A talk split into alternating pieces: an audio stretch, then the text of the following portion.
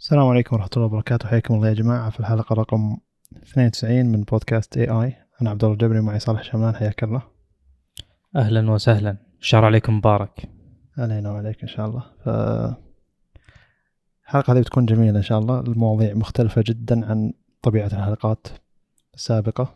في الغالب دائما بداية سنة تكون أغلب الحلقات أجهزة ذكية أجهزة ذكية لكن الحلقة دي شوية فيها تنوع كبير. أول شيء بتكلم عن يوتيوب.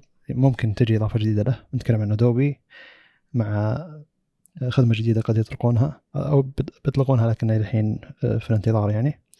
Realme سوت شيء جديد بجهازها. ما هو شيء جديد شيء جديد مكرر. أرقام جديدة لل Bing مايكروسوفت أطلقت خدمة جديدة. Oppo Find X 6 Pro ساعة شاومي القادمة وش بيكون نظامها؟ قد يتغير. تجربة صالح لل S 23 Ultra وتجربة صالح Galaxy Watch 5 Pro تجربتي أنا لجهاز Nothing Phone 1 فهذا ملخص الحلقة. إن شاء الله يكون بنغطي على كل شيء بحقه وإن شاء الله انكم تستمتعون بالمحتوى. آه، في البداية يوتيوب آه، قد قد يضيف ميزة للمستخدمين ال premium اللي هو ولو إنك تشوف على 1080 لكن بتشوفها على 10 بت 10 بت نعيد شرحها نحتاج نعيد شرحها ولا ما نحتاج نعيد شرحها؟ في الغالب لما تشوف الشاشات مثلا حاليا تلقى 8 بت اللي هو الشاشات اللي تدعم 16 مليون لون وهذه شيء حيل متعودين عليه سابقا.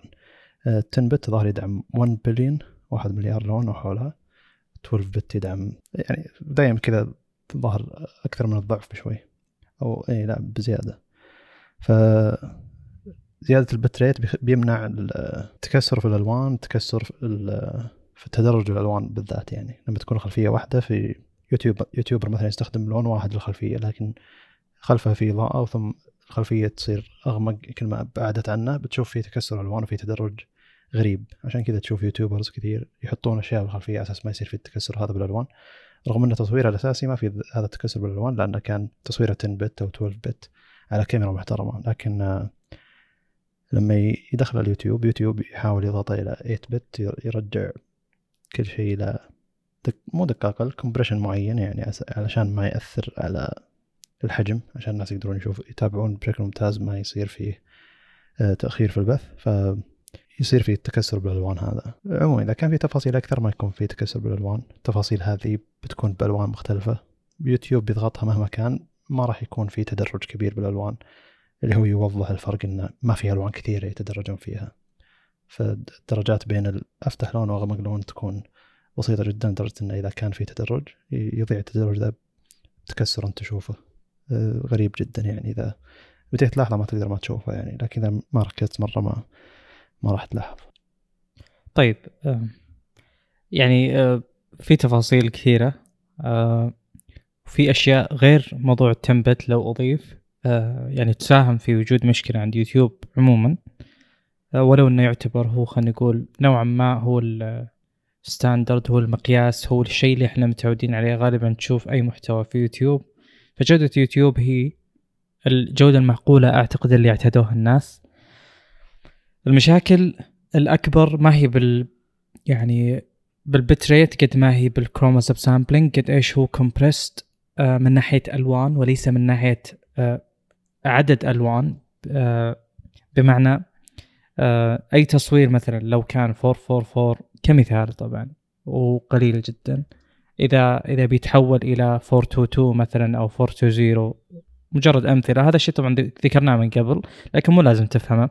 اللي بيوضحه إن ال compression اللي يصير على ال 8 bit هو اللي يسبب مشاكل أكثر من احتياجنا إلى 10 bit في مقاطع يوتيوب. أنا بالنسبة لي شخصيا لن أسعى ولن أحاول أدبر أو أبحث عن محتوى مثلا يعرض ب ten bit. مو هذه المشكلة صراحة اللي تواجه.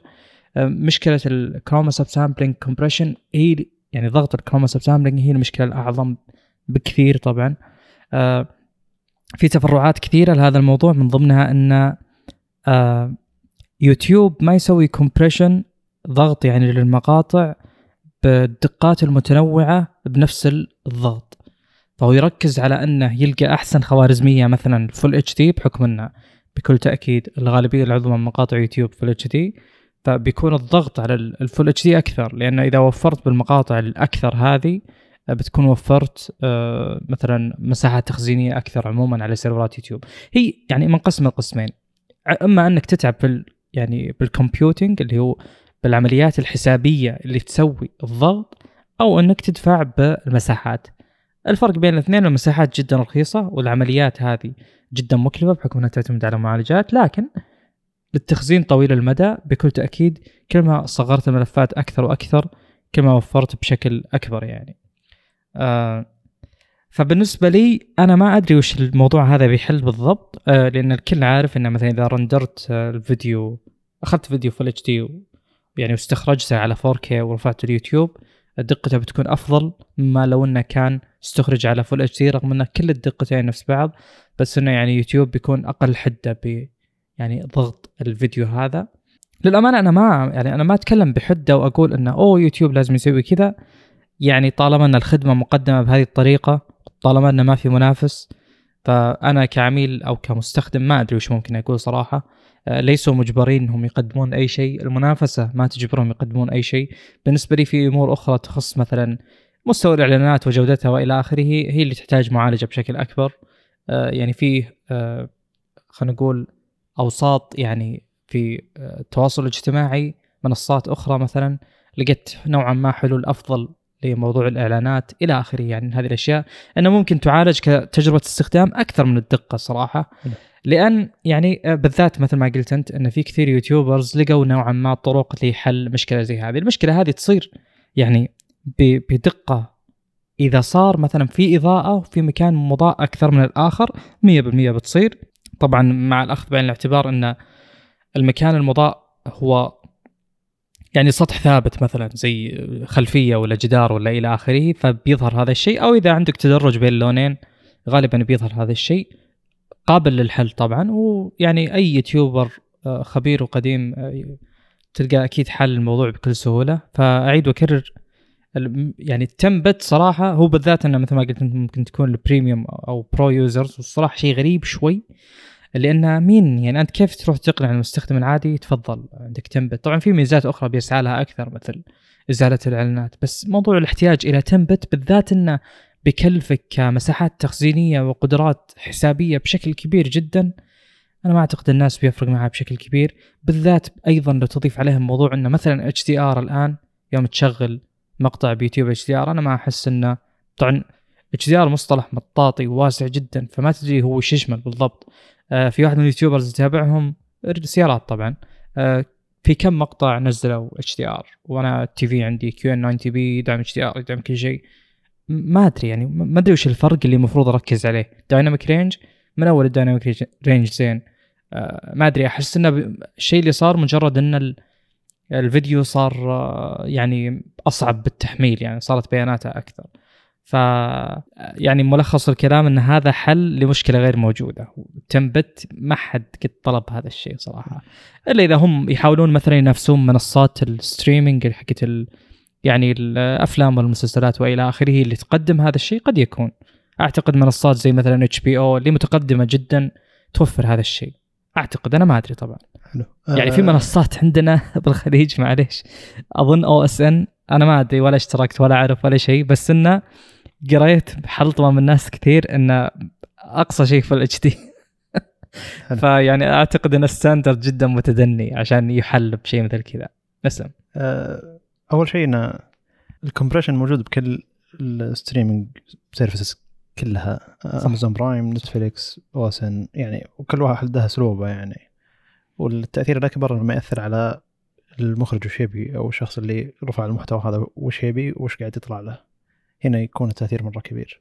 يعني أذكر كثير من المخرجين اللي استخدموا امازون برايم كانوا منزعجين من تعامل ال compression مع مثلا فلتر هم حاطينه عشان صح. يعطي أداء معين أو إيه يعطي طابع معين للصورة اللي هم ماخذينها بس خليك من ذي. أتكلم عن ال compression حق يوتيوب لأن انه مسموح لك إنك ترفع وتحمل ترفع وتحمل. فمن التجارب اللي سواها ام كي بي إتش دي قبل ثلاث سنوات اللي هو this is what happens if when you re-upload a YouTube video 1000 times. وصراحه تفهم شلون ال compression يشتغل لما تشوف الفيديو هذا. يعني هو آه، رفع يوتيوب رفع مقطع على يوتيوب حملها من يوتيوب نفسه رفع مقطع على يوتيوب ألف مرة إلى أن آخر رقم ألف يعني طلع الفيديو يعني غير قابل للمشاهدة من كثر ما إنه صار له compression compression وحجمه صار مرة صغير. فصار نوعا ما غير قابل للمشاهدة لأن ما زال في تفاصيل معينة موجودة الأشياء الثابتة الأماكن اللي فيها حركة صار يعني مرة هي هي اللي تتعب ال compression لكن الأماكن الثابتة التفاصيل ما, ما زالت موجودة. هي الخوارزمية المستخدمة يعني يعني مثلا في هذه الحالة هو يشوف البكسل اللي ما تغير ويثبته بالضبط إلا إذا مثلا يعطيه threshold معين يعطيه مساحة معينة مثلا آه، خلال ثانيتين كل ثانيتين حدث هذا البكسل. بس انت تتكلم عن فتشوفه يتأخر أحيانا كذا. الشيء هذا ف إيه يوتيوب يستخدم هذا الشيء. إي حلو.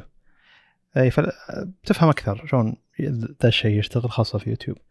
أه شخصيا أشوف ما أتوقع يحطون 10 bit يعني هي إلى الحين تسريبات والناس قاعد يتكلمون عن إنه في كلام داخلي عند يوتيوب إنهم بيحطون 10 bit عشان يبون مزايا إضافية للناس اللي يشتركون ب YouTube Premium. لكن هذا شيء غبي يعني. هل هل بترفع يعني هل المادة اللي بالسيرفرات حقتك كلها 10 bit وتقدمها 10 bit للناس اللي عندهم Premium واللي ما عندهم Premium تسوي لها compression فهذا يخفض عليك مثلا قوة معالجة معينة إنه يسوي compression ولا يعني هنا بياخذ مساحة أكثر بس علشان تقدم خدمة للناس اللي قاعد يدفعون؟ والمساحة دي بتكون أسهل لهم. بس بتكون اسهل لهم لأن الحين هو already من الآن فعليا يقدم عشرين ألف جودة صح؟ 144 بعدين 240 360 400 وما أدري كم إلى آخره يعني.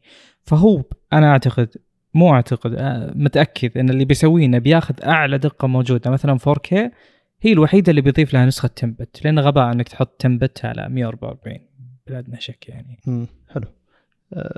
قد يكون كذا وكذا لكن أنا متشوق أشوف وش يوتيوب ممكن تسوي عشان تخلي تخلي ال YouTube Premium مغري أكثر لأغلب الناس يعني. وقد تكون هذا مثلا YouTube Premium لشخص منتج المحتوى. إذا كنت تبي ترفع 10 بت ممكن نخليك تشترك يعني بطريقة عكسية مع إنه ما راح يكون عدد كافي من منتجين المحتوى يعتبرون قليلين حتى لو اشتركوا كلهم ما راح يأثر تاثير مرة كبير يعني. واجزم لك انك كثير مش من منشئي المحتوى أصلا اشتركوا وخلصوا يعني. فما يحتاج تحط ميزه إضافية عشان يشترك يعني. ف غريب. الشيء الأكثر غرابة بالنسبة لي بيوتيوب ان إذا أنا عندي حساب واحد مشترك فيه ليش مو خلاص كل استخدامي للكمبيوتر هذا حتى لو انتقلت من حساب لحساب يكون خلاص ما يد... ما يدعم اعلانات ليش دايم على اللي عنده ثلاث أربع حسابات؟ ويتنقل بينها مثلا. ليش ما يكون الجهاز يعتبر YouTube Premium؟ هذا اللي يخليني أنا قاعد أستخدم يعني أدوات ثانية عشان ما عشان ما تظهر الإعلانات. لأن عندي أربع خمس حسابات يوتيوب. إذا انتقلت مثلا لحساب عشان أرفع البودكاست وشفت مقطع بالغلط يوتيوب وش السالفة؟ ثلاث أربع إعلانات يعني إعلانين ورا بعض ثم يوقف شيء ثم إعلانين ورا بعض يعني غير قابل للاستخدام بالنسبة لي. فزي اللي Microsoft Edge extension يحل المشكلة الحين يعني يوتيوب يقدر يصير ذكي شوي أذكى من اللي موجود حاليا إنه وش يسوي؟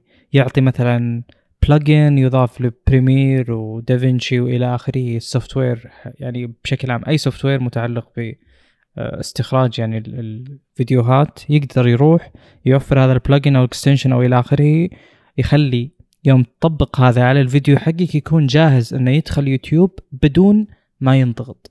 لأن فكرة انه في admission controller كذا قاعد عند يوتيوب أي مقطع يرفع يسوي له compression هذه في قمة الغباء.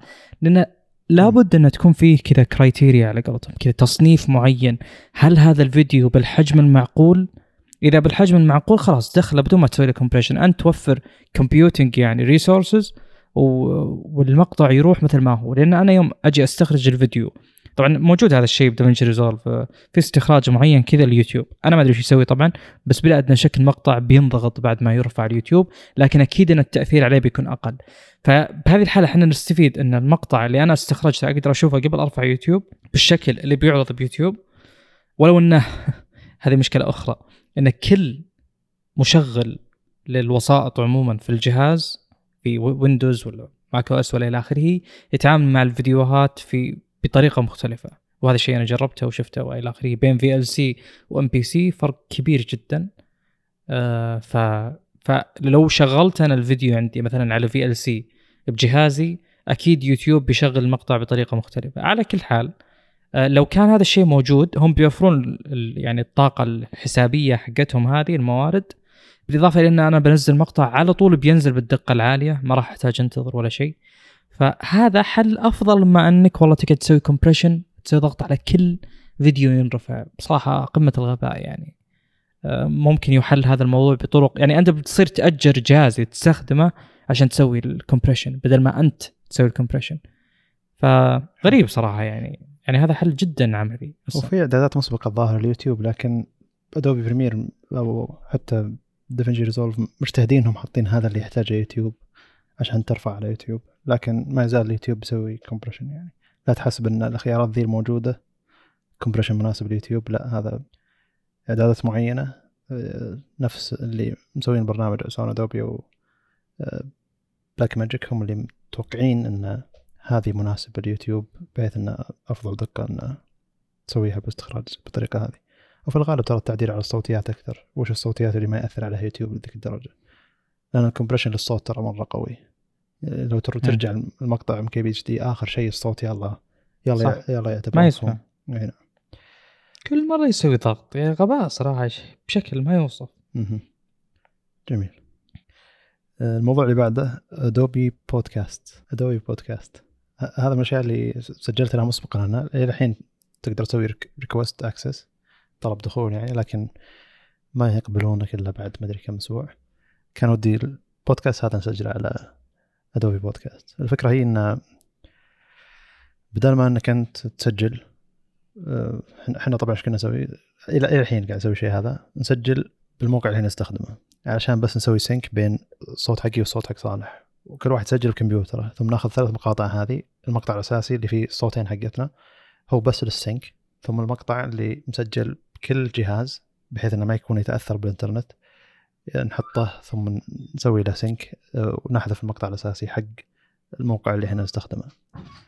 زي اللي ادوبي بودكاست قالوا أوه الناس يستخدمون الطريقة هذه ليش ما إحنا نسوي لهم الطريقة هذه بشكل مباشر؟ فادوبي بودكاست بيخليك تضيف ضيوف ثم بيدخل على أجهزة الضيوف هذه بيسجل من نفس الجهاز يسجل من نفس جهازك أنت يسوي لها سينك بعد ما تخلص التسجيل بدل ما ياخذ الصوت من الإنترنت بشكل مباشر. الصوت اللي أنت تسمعه من الضيف والصوت اللي أنت يعني الصوت اللي يسمع الضيف اللي يسمعه منك هو بس علشان أنتم تتواصلون مع بعض مو علشان يتسجل الصوت. فأنت لما تضغط تسجيل هو قاعد يسجل بجهاز الضيف جهاز كل الضيوف وجهازك انت ثم يدمجها مع بعض. فهي شغلة إحنا قاعد نسويها يدويا. فاختصر لك الشيء هذا. ثم بدل ما إنك أنت تروح تدخل الم- المقاطع الصوتية هذه بتطبيق ال editing وتعدل على الصوت نفسها تعدل على الصوت نفسها تحط denoise ولا شيء لازالة الضجيج وشيء عشان تعدل أصوات معينة. إذا كان ال bass عالي في المايك حقك يرفع ينزل يشيل ال bass نوعا ما. إذا كان ال high end المايك حقك ينزل high يعني المهم كل صوت تعديل تعديل معين علشان يطلع مناسب لكل ال speakerات الموجودة في العالم خاصة السيارات. آه، ف زي اللي هو يقول لك إحنا نسوي لك هذه الأشياء كلها. إحنا عندنا AI powered audio نعدل الصوت كامل ونشيل الضجيج. ثم إذا جيت تبي تحذف كلام معين إحنا بنعطيك آه تقدر تسوي edits لل word إحنا نعرف كل متحدث وش قاعد يقول ونقدر نحط نحطها لك على شكل محادثة وتقدر أنت تشيل الكلام بدل ما تروح تدور بال waveform بال بالملف الصوتي وتشوف الأشكال الصوتية أو تسمع المقطع كامل عشان تشيل كلام قال أو تأتأة أو وقوف معين في مكان معين. أو مثلا آه، أخذتوا مثلا break معين بوسط البودكاست تكلمتوا عن شيء ثاني فبدل ما إنك تروح تدور من وين وقفنا إلى وين خلصنا وبدأنا من جديد تقدر تشيل الكلام اللي قال بالوسط وخلاص يرجع زي ما هو عليه.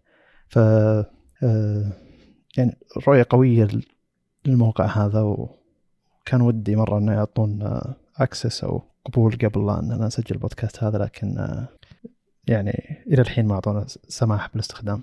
وما أدري إذا كان يدعم العربي أو لا يعني من ناحية انه إذا جيت تعدل ال- الكلام ما أتوقع إنه يدعم العربي إلى الحين لكن ما تعتبر مشكلة بالنسبة لنا. هو بي- بيخسر علينا شيء كبير اذا إذا قبلونا طبعا بيخسر علينا شيء كبير من ناحية تعديل الصوت ودمج الصوت ويعني ال editing ال editing بدال ما ياخذ ساعتين ثلاثة بياخذ ممكن نص ساعة واقل امم هو يعني صراحة المجال مع ارتفاعه وتطوره آه، وجود منافسة قوية بهذه الطريقة محتملة بالإضافة إلى أن فكرة إنك تحول الموضوع أو تستفيد من AI عموما في شيء زي كذا جدا جدا جدا محتملة ومتوقعة. لأن يوم أجي أنا أعدل على الصوت أكيد أستخدم أيضا يعني آه، صورة من صور الذكاء الاصطناعي مو يوم أسوي آه، مثلا noise reduction هو يتعرف على الصوت ويخفضه بطريقة معينة يعني وياخذ ترددات معينة يتعامل معها. على كل حال آه، يعني وجود منصة مثل كذا للتسجيل احتياج حقيقي خصوصا في حالة مثل حالتنا. بالإضافة إلى وجود البودكاست عموما أعتقد بالذات خارج خلينا نقول الخليج عموما أو العالم العربي أنا أعتقد كثير منصات تعتمد على بودكاست صوتي بشكل كامل والضيوف في مختلف الأماكن ودقة خلينا نقول أجهزة الصوت اللي يستخدمونها جدا متباينة ومختلفة في بعض الناس كل حلقة ضيف مختلف والضيف يسجل باللي عنده. فالاختلاف بين الاثنين بيكون جدا كبير. أنا أعتقد هذه الحلول بتخلي فيه صور صورة من صور الجودة المتوقعة على الأقل أو إرشادات للشخص اللي يسجل إنه سوي كذا وسوي كذا أو إنه يتعرف على الفرق بين مثلا مصدر الصوت اللي يجي من macOS واللي يجي من ويندوز فيعني أقدر أتصور قد إيش بتكون في ميزات جدا كبيرة بمنصة مثل هذه خصوصا إنه بيبدأ معك من التسجيل إلى إخراج الحلقة. وأيضا يعني مجال التطوير والأفكار في هذا يعني في منصة مثل هذه آه، لا نهائية. يعني هو يقول لك بالترانسكريبت اللي هو بال اللي يعني النص المأخوذ من الصوت بتقدر تحذف شيء وتحوس وإلى آخره. وأنا أشوف أيضا يعني إحدى قنوات السيارات في يوتيوب آه، يعني من أحد الأشياء الكوميدية نوعا ما إذا كانت المراجعة عن سيارة تعتبر آه، كذا مين ستريم سيارة اعتيادية جدا سيارة يعني لو في روبوت آه، زي البشر بيختارها بحكم انها ما فيها ولا شيء مميز. فإذا كانت يعني السيارة جدا مملة وما لهم خلق يسجلون أي شيء يعني من باب الطرفة والضحك شو يسوون؟ ياخذون صورة لواحد منهم ذول الاثنين يعني يكتبون ترانسكريبت ويخلون الاي اي يسجل الصوت. فهذا يخليني أتوقع إن شيء مثل اللي تسويه أدوبي الآن آه، جدا محتمل إنه والله تشيل تحذف تركب يمكن تكتب ترانسكريبت وتسجل يعني كم تسجيل من صوتك خلاص هو يتكلم عنك يعني ف... فأعتقد إنه شيء يعني فعليا هذا التوجه المستقبلي لكن أكيد بلا ادنى شك موضوع التسعيره والاشياء هذه اللي دائما صاقعة بالجدار عند أدوبي بتكون حاجز لكثير جدا جدا من الناس. آه، بالذات إنه هو يقول لك لا تحمل شيء لا تحمل application ولا تحمل أي شيء كل شيء على الويب. فبلا ادنى شك إنه عليه تكلفة. وفكرة يعني التطبيقات المعتمدة على الاشتراكات عموما أو المزايا المعتمدة على الاشتراكات مثل هذه أشياء انتاج لإنتاج محتوى. غالبا عقبتها إن شخص مثلا يسجل حلقة بالشهر بودكاست وشخص يسجل كل أسبوع مرة وشخص يسجل كل يومين مرة. يعني في تباين بين ذولا كلهم وبالأخير كلهم يدفعون نفس المبلغ. ف وغالبا يجيك الشخص اللي يسجل كثير دخله من المحتوى هذا أكثر. فأنا ما أدري بس ما أعتقد إن اللي تسوي أدوبي من ناحية هذا ال subscription based يعني إنه ينفع وإنه هو الناجح لأن أعتقد إنه يعني يحجب عنهم يعني شريحة كبيرة جدا من المستخدمين. ولا عندي الحل طبعا الوسط اللي يخلي الأمور هذه منطقية من ناحية دفع واشتراك وإلى آخره. آه، لكن طول عمري أنا أفضل يعني اللي تشتري الشيء مرة واحدة وخلاص والشركات هذه كلها ما تفضل هذا الشيء. ف يعني لو كانت فيه مهما كانت الميزات الموجودة أنا ما أنا لست عميلا يعني من الحين أقولها. حلو. آه، هذه مشكلة ادوبي يعني شيء مزعج جدا إن دائما الخدمات طبعا بزنس يعني ما نقدر نقول لا. بس انه من تبدأ تتعود على الشيء يعني يعطونك سعر ثم يرفعون عليك السعر ثم يسوونه بشكل اشتراك شهري. يعني بالنسبة لي أشوفه شيء مزعج جدا الأسعار اللي قاعد تقدمها أدوبي آه، غير غير منطقية وهذا اللي قاعد يخلي الناس كثير تحول على دافنشي ريزولف أو أي مكان ثاني. حتى لتعديل الصوت ترى. كثير يستخدمون دافنشي ريزولف. يعني مرات تقول Audacity موجود ومجاني لا الناس ما زالت ترى تستخدم دافنشي ريزولف حتى لتعديل الصوت للبودكاستات والاشياء هذه. يعني الحلقة الماضية اضطريت إني أسوي كم شغلة للصوت علشان أعدل عليه قبل أرسل لك. فزي اللي أول بالماك كنت أستخدم نسيت والله التطبيق بس إنه مخصص للماك يعني. فالحين مع الويندوز قاعد ادور أي شيء ثم استخدمت Audacity على طول. اكتشفت إن الناس دائما ينصحون ب دافنشي ريزولف لل... حتى للصوت تعديل الصوت فقط. جميل. حلو. الموضوع اللي بعد عندك؟ امم ممكن أقوله يعني بس أنا ما أدري أكيد عندك نقاط مختلفة. عموما آه، هو ريلمي آه، في جهاز عندهم نزل مؤخرا وللأسف للأسف المراجعات محدودة جدا. يعني أتكلم اني ابي أشوف المراجعات هذه من الأشخاص في الضفة الأخرى اللي هو موضوع الجزيرة الديناميكية إلى آخره. الموجود بالجهاز هذا السي 55 أنا ما أدري طبعا الميزة اللي بذكرها الآن مقتصرة على الجهاز نفسه ولا على النظام؟ قد تكون بتكون موجودة يعني على النظام وتصير rolled out لباقي الأجهزة. على كل حال الميزة هذه اللي جزيرة ديناميكية يعني بشيء يشبه اللي تسويه ابل بس في اختلافات. اللي شفته أنا انه بشكل يعني محدود هذه تركز على الاشعارات فالإشعار بيطلع هي في بانش هول كاميرا حفرة كاميرا فالكاميرا كذا يطلع من يمينها ويسارها نص اللي هو نص الإشعار. بطريقة مشابهة جدا اللي عند سامسونج انه تشوف في أيقونة تطبيق ثم يطلع منها زي الشريط اللي هو محتوى الرسالة أو محتوى الإشعار الموجود. آه، هنا شيء مشابه نوعا ما فبتشوف يمين ويسار آه، اللي هو التنبيه اللي يجيك. مثلا شبكة الجوال على الشاحن يقول لك كم باقي ويمتلي وإلى آخره. ما فيها سالفة اللي والله الجزيرة تكبر وتصغر وتدخل عليها يعني تستفيد منها ك multitasking يعني tool آه بالنسبة لي هذا يعني هذا تطبيق جيد شيء مثل كذا. آه الكاميرا مثل ما هي ما هي كبيرة زي الحفرة حقت مو الحفرة الجزيرة حقت ابل آه أنا ما أدري صراحة على موضوع إنك تتعامل مع اللي موجود عند ابل مثلا اللي هو إنك تضغط على مكان الكاميرا و... وتفتح ال... أنا ما ما أتعامل مع هذا الشيء. يعني مثلا عندي بسامسونج أذكر من أيام الشاومي عموما إني أضغط على أي إشعار أحيانا أو إني أسحب على تحت بيطلع لي زي ال pop up زي كذا النافذة العائمة للتطبيق هذا وعلى طول أسكره لأني ما أحبه فكثير بالغلط يعني أفتحه. فبالنسبة لي شيء مثل اللي موجود عند ابل غير مفيد بالنسبة لصالح طبعا. لكن السؤال يبقى يعني شيء مثل هذا مثلا آه، اللي هو إنك تحط جزيرة ديناميكية يعني شيء يطلع من الكاميرا يمين ويسار يعني غير جماليته. أه وش يفيد فيه بالضبط؟ صراحة ما أدري. يعني الفرق مثلا اللي عندي بسامسونج بحسب اللي شفته يمكن أنت بحثت وشفت الموضوع أكثر مني إنه يعني مجرد كذا أيقونة تطلع يطلع منها الإشعار وخلصنا بعدين تختفي. فهذا بنفس الطريقة بس يعني فيها animations وكذا. وكل يعني الأخوان المستخدمين الابل يقولون شيء مشابه لهذا اللي هو إنه شوف الجمال شوف ال animations إلى آخره. فإذا كان الموضوع جمالي فأنا أعتقد إن ريلمي قدموا شيء جيد. حلو. حلو. أه شخصيا أنا كنت أشوف إنه كانت فكرة جميلة من أبل لكن الفكرة السيئة من أبل إنها لازم تتفاعل معها يعني الحين الأجهزة كلها حجمها 6.2 إنش وفوق. أه نتكلم عن الأبل الأساسي. حجم الآيفون الأساسي ظهر 6.2 6.4 انش نسيت عموما إن أغلب الشاشات فوق 6 انش الناس ما تبي ترفع أصبعها لاعلى شيء بالشاشة. هذا شيء مرة بعيد يعتبر ومع الاستخدام جدا متعب. ومن تجربة شخصية يعني الأونر 70 كان ما في أي طريقة إني أنزل الشريط العلوي من أي مكان غير إني أسحب من الشريط العلوي فكان شيء جدا جدا متعب. الاختصار الأساسي في اندرويد أول اختصار تسويه إنك إذا سحبت من أي مكان في شاشة الواجهة الأساسية على تحت ينزل الشريط العلوي هذا شيء أساسي.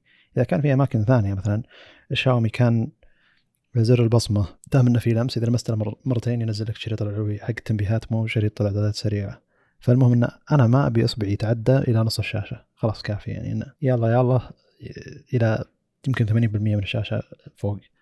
فإني أتفاعل معها. غير انه بلمس المنطقة دي كثير فبتصير تجمع بصمات والمنطقة دي فيها كاميرا الكاميرا نفسها بيكون عليها بصمات فيعني أظن استخدام الكاميرا كاميرا الكاميرا الرقميه للجهاز بيكون متعب إنك كل شوي تنظفها علشان انك انت عندك Dynamic Island قاعد تتفاعل معها كل شوي وبالغلط قاعد تضغط الكاميرا بشكل أساسي. ف الأساس اللي كان معجبني إنه استغل المساحة ذي بإنك تطلع تنبيهات بدل ما تطلع تنبيه كبير جدا أو حتى لو صغير. ياخذ جزء من الشاشة وكل شوي مزعجني إنه قاعد يطلع. أنا ملغي ال pop up نهائيا على كل جهاز اشتريه مباشرة. أول شيء أسويه كل ال pop up ممنوع على الجهاز. إذا يطلع تنبيه يطلع الايقونه وخلاص يعني كافية بالنسبة لي. لا تعطيني pop up أنا أسحب الشريط العلوي أشوف إيش التنبيه اللي قاعد يجيني. إذا كان في طريقة زي كذا إنه أول شيء توخر الأيقونات اللي كانت موجودة ثم تطلع يطلع شريط صغير جدا يقول لك وش التنبيه ويكتب لك التنبيه مباشره ثم يختفي بشكل مباشر. ما يبيك تتفاعل معه. تبي تتفاعل معه تسحب الشريط العلوي وتتفاعل معه. هذا شيء أساسي. انه كل الأجهزة كبيرة في الغالب فما حد يبي يرفع أصبعه إلى آخر شيء. حتى الجهاز صغير جدا. ما يزال متعب إنك ترفع أصبعك إلى آخر الشاشة فوق. طبعا اللي يقول والله أستخدم الجهاز وهو على الطاولة وأستخدم هذا ولا أستخدم يدي الثانية. هذا يعني خلاص استخدم تابلت وخلصنا يعني. آه، أقصد إذا جينا نقيس على إنه أوه ما نبي نخلي الأجهزة بسيطة من حيث استخدام بيد واحدة آه، بعدين يعني استخدم تابلت دام إنك تستخدم الجهاز على طول بيدين. فهنا سووها بشكل ممتاز. أنا يذكرون كلام الشباب انه أول ما طلعت ال Dynamic Island قلت إنه بالضبط اللي قاعد تسويه سامسونج من ناحية جمالية ال pop up حق حق التنبيه لكن لا تحط لي على الشاشة حط لي بالشريط العلوي وخلاص. فهذا اللي سوته ريلمي بالضبط. ما أتوقع إن هذا الشيء بينتشر. الناس بتنتقده إلى درجة إن الشركة بتخليه وبيبقى عندنا ال pop up الكبير حق اندرويد وببقي وبكمل إني الغيه زي ما هو عليه يعني الوضع. ما أتوقع إن هذا الشيء بيكون مرة كبير ويكمل زي ما آه، الناس يتوقعون أو زي ما. يعني هو شيء موجود من آبل شركة واحدة نسخته بجهاز واحد حتى ما كملت على باقي أجهزتها. أتوقع إنه يموت في أندرويد ولا يكمل. وما أدري إذا كان فايدته كبيرة الحين في iOS أو لا. طيب آه عشان نختزل جواب إذا كان في جواب آه شيء مثل اللي قدمته ريلمي وش الفائده اللي يخدمها بالتحديد بالنسبة لك؟ ما يأثر على الشاشة نفسها الأساسية. إذا جاني تنبيه حط التنبيه فوق. صحيح إنك تعطيني نبذة عن التنبيه وش هو؟ هذا يعتبر شيء ممتاز بس لا تدخل لي على الشاشة. التنبيهات الكبيرة حقت أندرويد مزعجة. طيب يعني أندرويد اعتيادا عندك يمين ويسار الحفرة فيها الأمور المتعلقة مثلا عند سامسونج يمين واي فاي أشياء ال connectivity أشياء يعني الاتصال والبطارية ويسار مثلا غالبا إشعارات وساعة. حلو. ف يعني تختفي أشياء كذا لحظيا بس يعني تطلع آه التنبيه آه ثم يرجع. هذا اللي صاير بال C55 مدري اي بريلمي حلو. تدري أنا تكلمت عن النقطه قبل وإلى الآن للأمانة أشوف إني لا زلت أتحدث عنها. سبحان الله أنا أول ما يجيني أو يجيني إشعار غير معتاد خلينا نقول. شخص كلمني عن شيء معين جتني رسالة معينة عن شيء أنا أنتظره إلى آخره أول ما أشوف الشيء أربطه بالوقت فأدور الساعة. فإذا أخفيت أنت عني الساعة أنا اضيع حلو بس خلاص أخفى الايقونات إلى إلى الساعة الأشياء المهمة الساعة مثلا خلاص طيب، ممكن. فعلا يعني زي الواي فاي ما أعتقد إنه مهم. أنا أقصد إنه سبحان الله أحيانا إذا وصل لك شيء أنت مرة واحدة تشيك على الشيء وتشيك على الاشياء متبقية كم باقي لك بطارية ساعة شابك بلوتوث ولا لا إلى آخره. حلو. فهو شيء اعتيادي يعني. بكل الإعلانات حاطين الشحن حقهم السريع ما أدري ليش يعني تنبيه للشحن السريع إن الجهاز قاعد يشحن 33 واط. فغريب أنا بشوف شيء ثاني يعني ليش ما وضحته إنه يدعم تنبيهات ثانية هو أكيد انه طالما إن ال software بحت فهو يعني من ضمن الأشياء اللي مع الوقت تزيد وتزيد. ف يعني غالبا بداية إطلاق هذه الأشياء ما هو في أفضل وضع لها فهي تتحسن مع الوقت. بمعنى إن أكيد لنا حديث مستقبلا إذا كانوا صاملين على ذا الشيء انه هل هذا التوجه اللي غالبا تتوجه له باقي الشركات؟ أو لا. حلو. طيب ننتقل إلى مايكروسوفت بينج اللي ما أظن في بودكاست بالسنة ذي ما راح يجي طاري نهائيا مع كثر الضجة اللي مسوينها. آه، مايكروسوفت بينج search engine وليس الشات. يعني ما هو ما هو المحادثات حقتهم حقت شات جي بي تي اللي معتمدة على شات جي بي تي في بينج. لا ال search engine الأساسي. وصل إلى 100 مليون مستخدم يومي. الحين. هذا شيء يعتبر يعني بالنسبة لهم يعني حجر أساس milestone انهم يبون يوصلون له من فترة طويلة جدا. عشان يكون عندك تصور 97% من البحث في العالم جوجل. 97% من البحث في العالم جوجل. رقم جدا جدا مخيف. تقريبا 2.4 من البحث في العالم مايكروسوفت بينج. وقاعد تدخل منه سنويا ما يقارن ما يعادل ب 2 مليار دولار. 2.4% من البحث في بينج search اللي قاعد يجي المايكروسوفت قاعد تدخل منه تقريبا 2 مليار دولار سنويا. جوجل قاعد تدخل تقريبا 200 أو 300 مليار دولار من البحث حقها وأكثر فزي لي عشان تعرف السوق هذا شلون قاعد يمشي. إلى الحين مايكروسوفت ما قالت شيء ابدا عن الشات حقها ولا ولا تكلمت ولا قالت أي إحصائيات كلها تعتبر مبهمة بالنسبة للناس ولا تبي تقول العدد هذا. أصلا ما تبي الناس يستخدمونها للدرجه هذه لأنه يعتبر مكلف عليها جدا لدرجه انه خلت للشخص تقريبا آه، بالبدايات خلت ثلاث محادثات والمحادثة الواحدة حدها 15 رسالة منك أنت والحين خلوها 20 رسالة منك أنت والظاهر 10 محادثات أو 20 محادثة. وحدها 20 رسالة لأن كل رسالة جديدة لبينج شات آه، تعتمد على الرسائل اللي قبلها ويصير فيها زي thread عشان يفهمها بينج أكثر وأكثر مكلفة جدا من ناحية computing من ناحية يعني قوة معالجة تحتاجها مايكروسوفت نفسها علشان تعطيك الجواب هذه مكلفة بالنسبة لها وأنت ما قاعد تدفع شيء نهائيا. شات جي بي تي 4 الحين موجود ويعتبر في اشتراك شهري ممكن قاعد يطلع والله ما أتوقع انه أتوقع أن المشترك شهريا يستخدمه يوميا قاعد يطلع من مايكروسوفت فلوس بدل ما أنه يعني قاعد يكلف مايكروسوفت قاعد يكلف شات جي بي تي أو اوبن اي آي فلوس بدل ما أنه قاعد يطلع قاعد هم نفسهم قاعد يطلعون فلوس. هم قاعد يعتمدون أكثر على الشخص اللي ما قاعد يكلفهم آه، آه، واردة يعني أو محادثات كثيرة مع تشات جي بي تي 4 تشات جي بي تي 4 نزل آه، طبعا هو أول شيء موجود على بينج لكن بينج كان كل ما أحس إنه والله أبي أستفيد من محرك بحث بينج راح بحث فيه فعشان كذا قاعد يطلع بنتائج غبية أيام كثيرة. لكن تشات جي بي تي 4 الأساسي اللي هو ما يعتمد على البحث عن الإنترنت بشكل مباشر بيعطيك الجواب على طول على ال 175 مليار documents اللي تدرب عليها. مبهر جدا. والشيء الجديد فيه إنه آه، عادي ترسل له صورة تقول له حلل لي وش فيها عادي ترسل له صوت تقول له طلع لي وش فيه. وعادي يعني من الأشياء المبهرة يعني إنه في مصمم user interface آه، كتب على ورقة آه، تصميم موقع. خيالي بالنسبة له. صور الشيء هذا وقال أعطني على يعني برمج لي الواجهة هذه. وأعطاه يعني سطور HTML جاهزة. حطها وشغل طلع بالضبط اللي يبيه يعني. وطبعا لازم تحط مواصفات إضافية. والمبرمج يعرف شنو يحتاج فلازم يكتب له هو إيش يحتاج عشان يعطيه اللي يحتاج. فلا تحسب إنه والله أي شخص بيقدر يطلب منه أي شخص بيقدر يطلب من ChatGPT اللي يحتاجه بيطلع له بسرعة اللي يحتاج. لازم تفصل بال query حقتك أو الطلب حقك وش تبي علشان يطلع لك اللي يبي فاصلا يعني اللي يميز المبرمجين والناس اللي عموما يشتغلون بال tech industry على قولتهم آه إنه هو يعرف وش يحتاج ولا كل شيء موجود على الإنترنت. فمعرفتك أنت وش تحتاج علشان تسوي الشيء هذا هذا هو القوة حقتك أنت يعني. فنفس الفكرة هنا بيسهل عليك لأنك أنت تعرف شو وش تحتاج. يعني أذكر واحد من الشباب كنت أسولف معه يشتغل back end باحد الشركات ويقول اطلبوا مني أسوي الموقع أو التطبيق responsive أو نسيت والله اللي إيه. يتغير مع تغيير حجم الشاشة. فيقول بالعادة ياخذ الموضوع مني أربع ساعات خمس ساعات. فيقول كتبت ال ChatGPT 4 مع مناقشتي مع GPT 4 وتجربتي وأقول له وش الخطأ ونطلع الأخطاء مع بعض. كأنه واحد خبير معي قاعد. لا مو كأن كان واحد متدرب قاعد أعطيه وش يبي قاعد يطلعني قاعد يعطيني بسرعة خرافية نتيجة وأنا قاعد أدقق عليه وقاعد اعطي نتيجة لل... للشركة بشكل مباشر.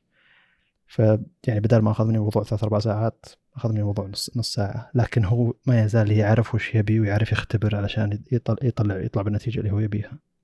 طبعا غير إذا دخلنا موضوع أن في أشياء آه، ممنوع تطلع من الشركة وكذا. ChatGPT يعتبر من الأماكن الخطر اللي قد تكون ما, ما تبي تعطيه معلومات إلى الدرجة هذه. لأنه قد يستفيد من المعلومات اللي أنت تعطيه إياها من ناحية الأشياء اللي ترسلها له. يعني ما ما, ما تعتبر آه، كن ما تعتبر خاصة لك أنت. يعني الأسئلة تسألها هو بيتعود هو بيدرب نفسه عليها. فلما تسأل أشياء فيها خصوصية أكثر قد يكون من الأشياء اللي يتدرب عليها هو. هو ذكاء اصطناعي ما يزال شغال ما يزال يتعلم حتى من الأسئلة اللي قاعد تسألها أنت. ف يعني خليك حذر باستخدامه عموما. فهنا الإحصائيات حقت مايكروسوفت Bing هذا الموضوع الأساسي.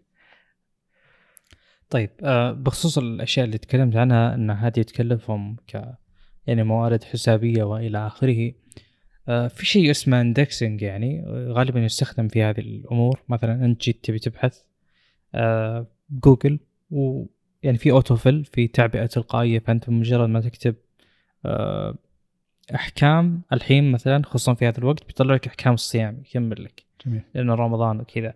فهذا من وين جايبها؟ من المليون شخص اللي قاعد يبحث في ذا الوقت. فهو كونه مثلا شغل ChatGPT على آه، مثلا نتيجة بحث معينة فأنا أعتقد إن هذه بتكون indexed أو cached أي شخص يبحث مثل بحثك بيعطي نفس النتيجة كذا بيوفر الله أعلم يعني من ال... طبعا هذا شيء ما يخفى عليهم لا من. تجارب تجارب أقصد- الناس. لحظة من تجارب الناس إذا سألت نفس السؤال يعطي قد يع... درجة كبيرة يعطي, جواب مختلف. إلى انه يعني خلينا نقول gen 1 product ولو أن ChatGPT 4 حلو. لا يزال آه، توه يطلع تجاريا. أنا أقصد أن حلول هذه الأشياء هذا اعتيادا هذا اللي بيصير. جميل. آه، صعب جدا إنه يستمر إنه بيتعب كل مرة وبي يعني ما هو منطقي صراحة. آه، قد يكون هو مش يعني من أحد المشاكل والتهديدات اللي يواجهونها قد يكون مربوط فيك أنت بحكم ان النتيجة اللي بتطلع لك غير اللي بتطلع لغيرك. هذا الشيء يستخدم محركات بحث كثيرة منها جوجل يعني. آه، بحسب المكان تطلع لك نتائج مختلفة جدا. جميل. فكيف لو كانت حسب الأشخاص؟ فهو في تحديات بلا ادنى شك بلا ادنى شك. أكيد إن كل هذه الأشياء المتعلقة بال queries تصير optimized مع الوقت. بمعنى إن يعني إحدى الشركات اللي أعرفها لا أعمل فيها ولم أعمل فيها وإلى آخره لكن يوصلني كلام منهم إنهم يعني مثلا آه، من التحديات اللي يواجهونها وشركة معروفة والناس تتعامل معها يوميا. من المشاكل اللي يواجهونها اللي هو آه، ضعف آه، القدرة الحسابية ال computing power في آه، يعني ال databases اللي عندهم قدراتها ما تكفي اللي هم يحتاجونه. هل احتياجهم فعلي؟ لا. فوش يصير؟ بدل ما يقول لك أنا بسوي optimization لل queries هذه يزيد databases حلو؟ حلو. يعني أنت يوم يصير عندك مثلا 3 databases وعندك 3 queries كل واحدة تشتغل على ال database فهي تستهلك الآن. حلو؟ فتكون مشغولة بال query هذا إن كانت طويلة طبعا. فهو مجرد مثال بسيط وتافه جدا. فهم يقول لك بدل ما أنا أخلي ال query حقتي أسرع ولا تسوي select all أقول له آه زيد databases خل في بدل ثلاثة عشرة. فكانوا يدفعون مثلا مثلا مثلا بدل مية ألف شهريا على ال databases يدفعون حول 400 إلى 500 ألف. حلو؟ جميل. فاللي بقوله مختصرا أن بدل ما يكون الاعتماد بشكل كبير على ال- القدرة الحسابية بيكون على ال optimization حق ال queries وكيف يتعامل ChatGPT مع النتائج اللي يواجهها. هذا وأكيد أكيد بتكون في أشياء كثيرة جدا cached يعني وبتكون بالمرتبة الأولى من ال indexes بحيث إن هذه الأشياء اللي تصير retrieved أول شيء تسترجع في يعني بشكل عاجل طبعا هذا تخصص يعني أعتقد أنت أقرب له مني بس أنا أقصد إن غالبا هذا اللي يصير في آه، ال business عموما يعني سوق الأعمال انه آه، كل شيء يبدأ صعب ويستهلك وفي تحديات كبيرة جدا بس أنا أعتقد إن التحديات هذه أسهل. بمعنى في تحديات قبل إحنا تكلمنا عنها إنها صعب حلها بشكل كبير من ضمنها بشكل عام إنك آه، تلعب آه، على ال cloud إحنا قلنا إن في تحديات كبيرة الإنترنت مو مو قادر يحلها الآن ابدا لا يمكن إنه يحلها الآن وأعتقد حتى خلال خمس سنين صعب أيضا تنحل لأنها مشكلة latency بمعنى أنا أتكلم انها ما تنحل إن هذا الشيء لا يمكن يكون seamless زي ما هم يوعدون. يعني هم يقولون لك أوه العب أي مكان. لا هذا ما يصير. آه، ممكن خلال سنة ولا سنتين ولا ممكن الآن إني أقدر ألعب آه، في مكان معين عندي بالبيت مثلا سرعة الإنترنت جدا مستقرة وسريعة وإلى آخره. ممكن أعتمد على cloud gaming خلينا نقول. لكن إني ألعب كل مكان هذا شيء صعب تطبيقه. حلو؟ هذا مثال صعب. مثال السهل أنا أقول لك إنه شيء زي ChatGPT زي اعتماد Bing عليه قابل للحل بشكل كبير جدا وكل يعني الجذر الأساسي للمشكلة هو إن هذا المنتج جيل أول. خليه يصير جيل ثاني كل هذه التحديات سيتم حلها يعني. حلو حلو. أنا متاكد إن عندهم حلول يعني وما أتوقع إن هو المقصد إن أنت للحين قاعد تستخدم شيء ذا مجاني. وبالنسبة لل Bing هذا أول شيء أول شيء أول مرة أسويه بتاريخنا وأول مرة يجينا العدد هذا والضغط هذا. فحدوا الناس بشكل كبير يعني. أنا كنت أستمتع من حلو. ناحية إن آه، أكمل محادثة كبيرة مع مع Bing. و إلى أن يبدأ يقول لي ترى ما قاعد أفهمك ولا بيطلع من المحادثة. ثم بدت بدت Bing تفهم الموضوع انه يعني الضغط اللي جاي علينا ما قاعد نتحمله لدرجة إنه قاعد يرد ردود ما هي لائقة أو قاعد يسوي أشياء مو بزينة ف حدوها ب 15 رد منه هو. الحين رفعوها إلى 20 رد بس كل الكلام انه ال- قاعد يكون مكلف علينا وقاعد يطلع نتائج ما هي زينة علشان كمية الضغط اللي جايتنا. طبعا هم ما أعلنوا عن الأرقام إلى الحين. أنا أجزم لك إن الأرقام مبهرة جدا مقابل محرك البحث حقهم الأساسي يعني. صحيح إنه جاينا 100 مليون مستخدم. لا لا خلك الحين أي واحد يبي ChatGPT بيستخدم Bing على طول ما راح يستخدم ChatGPT لأنه باشتراك وكذا. فزي اللي أنا متأكد إن يعني بما إنهم واصلين إلى هذه المرحلة من ال large language model وال AI والحوسة هذه أتوقع إن عندهم حلول خرافية من ناحية استهلاك الموارد حقتهم علشان يعطونك يعطونك نتيجة. بس أعتقد إنهم ما توقعوا كمية الضغط هذه هذا وما توقعوا انه هو يبدأ يعطي ردود غير لائقة. وهذا شيء يعتبر جدا مخيف عليهم لأن ممكن تدخل سالفه تدخل محاكم بالسالفة يعني فهذا شيء مره مخوفهم فعشان كذا حدوه والحين كل ما زادت الثقة قاعد يعطونك عدد أكبر من البحث والمحادثة. جميل. طيب الموضوع اللي بعده مايكروسوفت نبكي بمايكروسوفت. آه، مايكروسوفت آه، شركة مخيفة من ناحية الخدمات والحين قاعد تنشر ال AI حقها بكل مكان. مايكروسوفت Excel Word مدري شو 300 هذه 365 حقتهم مايكروسوفت 365 اللي هو كل مكاتب العالم كل شركات العالم قاعدة تعتمد عليه Excel Word وغيرها.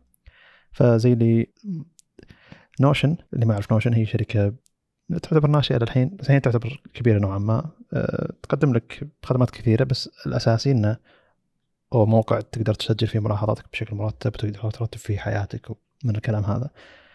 ف شركات كثيرة startups يعتمدون على Notion فزي اللي مايكروسوفت قاعد تقول إنه أوه إحنا بس الشركات الكبيرة قاعد تعتمد علينا ليش ما نطلع شيء مشابه ل Notion ندمج فيه كل الأشياء الكبيرة حقتنا. ونخلي الناس تعتمد عليه بشكل بشكل أكبر وندمج فيه ال AI حقنا ونسوي كل شيء. فالحين مايكروسوفت اطلقت شيء اسمه مايكروسوفت Loop وبيكون ال Office موجود فيه بشكل مباشر. Loop هو آه يعني ما أدري شلون يشرحونه لكن زي المكان يكون فيه كل شيء للشركة. من ناحية الاجتماعات من ناحية الملاحظات. إذا أنت كنت شخص لحالك بيكون هذا مكان حق ترتيب جميع ملاحظاتك مع إيميلك حق ال Outlook مع ال Word إذا كان ال Word حقك على الويب مع كل شيء كل شيء حرفيا كل شيء يعني. فزي اللي هو مكان عمل workspace مليان بالصفحات تقدر ترتبها وتقدر ترتب المهام حقتك المشاريع ال documents مشابه درجة كبيرة ل Notion وشخصيا أشوفه أجمل من Notion ولأنه له تطبيق بشكل مباشر. ما يحتاج مو بس على الويب يعني. Notion ما أظن له تطبيق بشكل مباشر في أي مكان. يمكن ممكن له في iOS وابل أو Mac لكن آه، في أماكن ثانية لا. واللغة العربية فيه سيئة مع استخدامي. دايم أدمج اللغة العربية مع الإنجليزية شخصيا يعني. أكتب ملاحظة باللغة الإنجليزية بالعربية وأدمج فيها إنجليزي والكلام هذا. ف Notion مع طريقة تعقيده والحوسة هذه وإنه مبني يعني هو من تفتحه وتسوي حساب جديد وكذا مبني على أسلوب استخدام معين يتوقعك إنك أنت تستخدمه يتوقع العالم كله يستخدمه فتحتاج تحذف كل شيء وتحط أنت ترتيبك الشخصي ثم لما بديت استخدمه اكتشفت إن المحاضرات اللغة العربية دمار فبستخدمه بس اللغة الإنجليزية. الحين حطوا في AI فزي اللي مايكروسوفت تقول إنه أوه أنتم دخلتوا المجال اللي إحنا قاعد نشتغل فيه بشكل كبير إحنا قاعد ندخل المجال اللي هم الحين يشتغلون فيه بشكل كبير مدموج فيه كل شيء وشيء مخيف إنه مدموج فيه كل شيء يعني Teams بشكل مباشر إذا كنت بتسوي اجتماع ينقلك لهم بشكل مباشر. Word آه، أي document ينقلك بشكل مباشر لها آه، ال Outlook حقك الإيميل بيقدر يجيب لك القائمة حقت ال Outlook مباشرة عندك. فزي اللي آه، لو هذا الشيء اشتغل زين من من من بيستخدم Notion إلا اللي طبعا تعود عليه وخلاص عنده حياته مسجلة على Notion نكون نكون هنا خلاص. ما ممكن صعب عليه ينتقل والانتقال من مكان إلى مكان من ناحية تطبيقات الملاحظات متعب من تجربة شخصية يعني أو حتى documentation بشكل عام عشان كذا الاعتماد على الملفات وترتيب ملفات بجهازك الأساسي بالنسبة لي يعتبر وسيلة أفضل أه وتسوي لها backup بأماكن معينة لأن خلاص هذه ملفات يعني Notion لو قفل Notion وش بتسوي؟ لو الموقع قفل لو اخترق الموقع وانتهى انحذفت البيانات وين هو محفوظ Notion؟ فهذا يعتبر بالنسبة لي شيء مخيف. شيء شيء الأساسي مايكروسوفت Loop إنه قد تكون الملفات موجودة عندك شخصيا وتقدر تفتحها من مايكروسوفت Loop بشكل مباشر. فزي اللي هو ما قاعد يتعارض مع فكرة الناس اللي قاعد يشتغلون قديما على ال local storage على التخزين الأساسي اللي موجود بالجهاز بدل ما يعتمد على الويب يعني أو سيرفرات الشركة ويتعامل معها. فبالنسبة لي هذا شيء مرة مخيف. وأظن Notion من الحين بدأت ترفع القضية على نسخ نسخ أسلوب وطريقة Notion في في العمل يعني. فايش رأيك؟ طيب كشخص مستخدم ال Notion حلو. آه يعني أنا أعتقد هذه المنصات تعتمد على تكلفة جذب المستخدم. مو تكلفة يعني مقابل لا. آه، يعني قد إيش أنت تحتاج آه، تسوي عشان مثلا شخص مثلي ينجذب إنه يستخدم شيء كذا stand alone ما هو مرتبط بأي ecosystem يمكن مرتبط بشيء بس ما أدري عنه. فمثلا سواء كنت تعتمد على شيء زي G Suite من جوجل مثلا ولا تعتمد على خلينا نقول مايكروسوفت 365 أه وجود Notion أه دائما شيء خارجي بتحتاج تفتحه كذا الحالة. لذلك اعتمادك عليه شيء زي ال documentation مثلا خصوصا يوم يكون ال documentation ب Notion بيكون بعيد عن الكود. بيكون بعيد على VS Code اللي عندك مثلا اللي أيضا تبع مايكروسوفت بيكون بعيد على منصة آه، يعني آه، إدارة ال repositories هذه إدارة ال يعني source code management platform بيكون مكان مختلف عن Notion هذا. فمقصد كلامي إن آه، بعده يخلي استخدامها صعب بغض النظر عن المزايا اللي يقدمها لأن موضوع المزايا ممكن يتحسن ويضاف مع الوقت. أنت تجربتك مثلا سيئة أنا ما قد كتبت حرف عربي واحد ب Notion بحكم إنه طبعا أكيد مكان عمل في ناس عرب وفي ناس أجانب فما راح تحتاج تكتب عربي على كل حال. المهم فداخل الملفات يوم تتعامل مع مع شيء زي Notion تحس إنه مشابه سواء Word Online ولا جوجل آه، Docs آه، ما هو بعيد جدا لكن ميزته انه يمديك تتنقل آه، وأنت على كأنك داخل ورق بس تتنقل بين قائمة وقائمة. فهو في ميزات لكن مثل ما قلت كونك خارج ال ecosystem هو التحدي الأكبر. أذكر نسيت في شيء قريته متعلق بمايكروسوفت وقد إيش سهل عليها؟ إنها تضيف أي منصة جديدة لل workflow حقهم بشكل كامل. سهل جدا تضيف لأن هذا الشخص داخل المكان هذا. فخلاص أنت ما تحتاج تجذبه عشان يستخدم الميزة هذه. بمعنى يعني قد إيش خرافي يوم أحد داخل Teams يرسل لك مثلا آه، ملف Word وتقدر تفتح الملف داخل Teams شيء خرافي شيء أسطوري شيء ممتاز جدا. وهذه قوة مايكروسوفت. فأنا بالنسبة لي يوم أقرأ خبر زي كذا خلاص game over يا Notion يعني بالذات إذا مثلا قدم شيء مماثل من جوجل ما تقدر تنافس يعني. هو أغلب ال tools هذه يعني بشكل مختصر آه، تفيد ال startups الشركات الصغيرة آه، بس الشريحة الأكبر من العالم اللي هو شركات كبيرة جدا آه، وتعتمد على أشياء زي كذا موحدة بين كل قطاعاتها وكل يعني ال regions فيها. فلا يمكن ل Notion إنه يكون حي في ظل هذا الصراع. ممكن كذا بعد فترة مستبعد بالنسبة لي بس ممكن يصير. ان تجي جوجل مثلا وخلاص تاخذ Notion ويصير جزء من ال ecosystem لأن لحالك لا يمكن. أنا صعب علي إني أفتح Notion كل مرة عشان أضيف ولا أعدل شيء. ايا كان الشيء اللي أنا أكتبه ومثل ما قلت أنت يعني ما أدري عن Notion AI بس أنا أعتقد إنه يعني كاستخدام فردي هذه الوسائل معقدة أكثر مما إنه يحتاج الشخص. ما أدري صراحة. هي تركز على إنه يكون في standard يعني وأنا ما أحتاج standard يوم يكون لحالي. أو على الأقل ال standard اللي بستخدمه مو شرط الكل يفهمه. أسلم. جميل. أه شخصيا يعني الحين بما ان الدوام عن بعد قاعد نستخدم Team و Zoom والفرق يعني فرق بين السماء والأرض يعني. بشكل مخيف إيه، Zoom يعتبر مزعج. ويعني Teams يعني الدكتور أضافنا إلى مجموعة. وخلاص موعد المحاضره ثابت. فخلاص تدخل المجموعة تشوف المحاضرة شغالة تدخل عليها. موجود فيها assignment يعني واجبات تقدر تدخل تسجل فيها. أه تشوف وش الواجب نفسه. تقدر تدخل ملفات ناشر ملفات المادة نفسها فتشوف الملفات الموجودة. ما اضطرينا ندخل لموقع اللي هو موقع Blackboard حق الجامعة. فزي اللي جدا مريح وفيه كل شيء أقدر أعتمد عليه. Zoom طبعا ما في مجموعة. وما أدري إذا كان في شيء هذا كمزايا ولا لا لكن دكتور كل موعد محاضرة تنتظر منه رابط على الإيميل على الاوتلوك عشان تدخل على المحاضرة. كل ما يدخل واحد على المحاضرة ينتظر قبول عشان يدخل فزي اللي وش الغباء هذا يعني؟ معنا في دكاترة مثبتين محاضرة ثابتة وخلاص كل الطلاب يدخلون ويرجعون نفس المكان وخلاص دام اعطاك موافقة ولا ما راح يعطيك مرة ثانية. فحتى لما تدخل تشوف آه، بالشات المحادثات حقت الشعب اللي قبلكم أو المجموعة اللي كانت محاضره قبلكم بالضبط. فزي اللي Teams عظيم وفيه كل شيء فيه كل شيء وما في أي مقارنة مع Zoom، Zoom بس اللي video chat بشكل مباشر ممكن ممتاز لكن بقية الخدمات لا ما يقارن. Teams فيه كل شيء. وما أدري مجاني بالنسبة لنا؟ مجاني هو أساسا ما أدري. إلى الحين Microsoft Loop آه، يقول لك إذا عندك Microsoft account أو حتى إذا كنت تستخدم Azure Azure إيه. الخدمة السحابية حقت حقتهم عندك حساب فيها فلك early access على قولتهم. إذا كان عندك Azure Active Directory account ولهم تطبيق على ال iOS Android هذا من أول يوم يعني.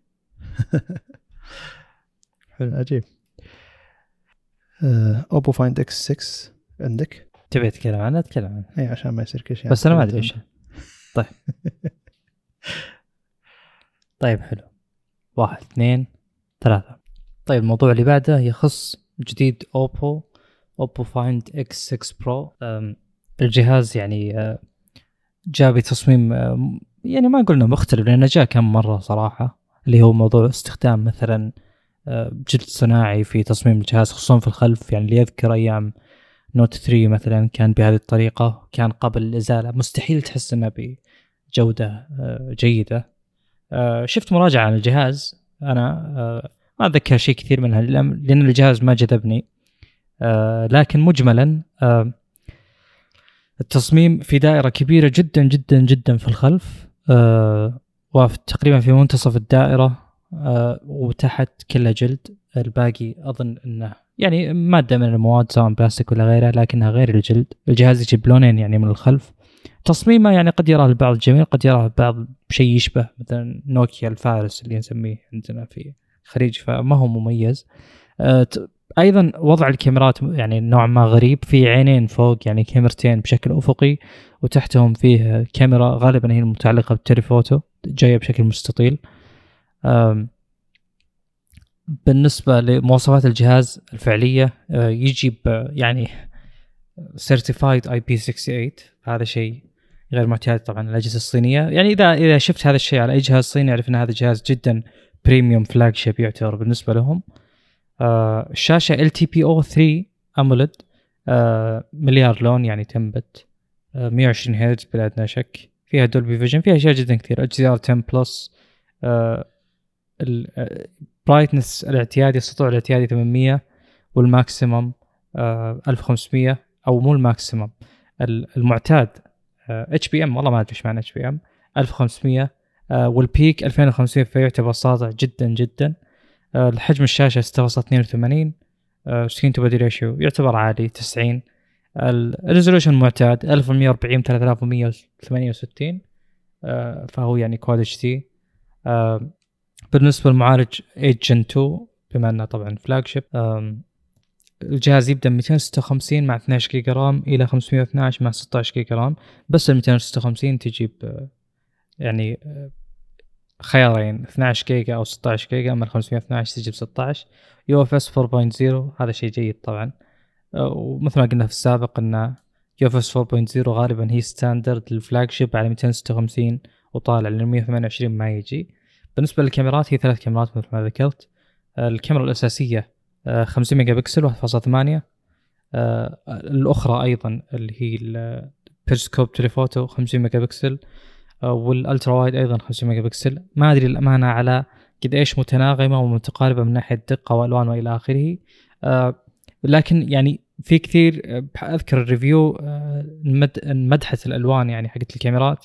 ومكتوب إنها يعني بتعاون مع Hasselblad Hasselblad آه فلا يعني المتوقع إنه يكون في تناغم جيد بين الكاميرات. طبعا في شيء غريب نوعا ما إنه مذكور إنه آه أقصى تصوير 4K 60 frame. هذا شيء غريب جدا على المعالجات هذه. الاعتياد إنه 8K مع سواء 24 ولا 30 وال 4K آه إلى 120 آه لكن قد تكون هذه المعلومه مو صحيحة. على كل حال الكاميرا الأمامية 32 ميجا بكسل 2.4 آه يعني مواصفات معتادة نوعا ما. آه بلا أدنى شك فيه stereo speakers بالنسبة لل USB اللي أشوفه انه USB 3.1 وهذا شيء يعني غير معتاد ابدا ابدا ابدا.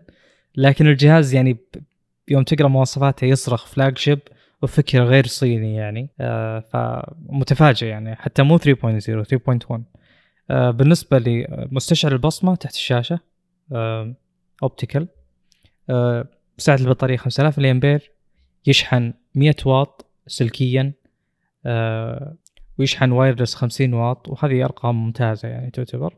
صار الجهاز قريب ال 1000 دولار لكن ما أدري بالضبط كم. بحسب اللي أشوفه موجود ب AliExpress أقل اللي هي 256 12 جيجا RAM ب 969 دولار. جميل. المشكلة ب Oppo Realme و OnePlus حاليا. طبعا تكلمنا عن الموضوع ذا سابقا إن لما تشتري نسخة صينية طبعا هذا الجهاز ترى فقط نسخة صينية يعني إلى الحين ما في نسخة عالمية للجهاز. آه، من الممكن أن يجيك regional lock يعني ممكن يتقفل عليك الشريحة الجهاز يشتغل وضع تمام لكن إذا شبكت عليه شريحة ما تشتغل. آه، الشركة قالت إن اللي صار مع ال OnePlus 11 تعتبر مشكلة ما أدري شو لكن دام طلع تنبيه معناته إن الشركة عندها خطة إنها تسوي شيء هذا إنه خلاص دام الجهاز صيني وسعره رخيص اشتر من الجهة المخصصة اشتر من الوكيل اللي عندك أو البائع المحلي اللي عندك علشان آه، يكون يشتغل بشكل مباشر. يعني هذا اللي هذا اللي مخليني أتردد بطلب OnePlus مثلا 11 أو 11 R الجديد مع انه ما هو مرة جديد يعني. بس أقصد إنه حرام كل هذا الابداع يروح بالحوسة هذه. يعني الشركة ذي بدينا نتعود منها إنها تقول شيء وتسوي عكسه. أول ما جو بحاولوا ينتقلون مع ون بلس من اكسجين أو اس إلى كلر اس قالوا أوه لا خلاص بنرجعكم لل OxygenOS ثم صار مسمى OxygenOS لكن النظام ColorOS عند كثير من الناس تعتبر مشكلة عند كثير من الناس تعتبر شيء خلاص عادي وأصلا واجهة آه، Oppo تعتبر جيدة ما يعتبر فيها أي مشاكل. لكن ما زال في ناس يبون الواجهة حقت OnePlus نفس الفكرة هنا إن أنا بطلب الجهاز هذا وبدفع مبلغ معين. الجهاز الصيني بركب عليه خدمات جوجل من الاشياء هذه وبحط عليه شريحتي هل بيشتغل ولا ما راح يشتغل؟ خليك من سالفة إني أركب عليه ROM عالمي وأشغله عندي محليا هل بتقفل عليه شريحة ولا لا؟ وش الطريقة اللي بفك فيها الشيء هذا؟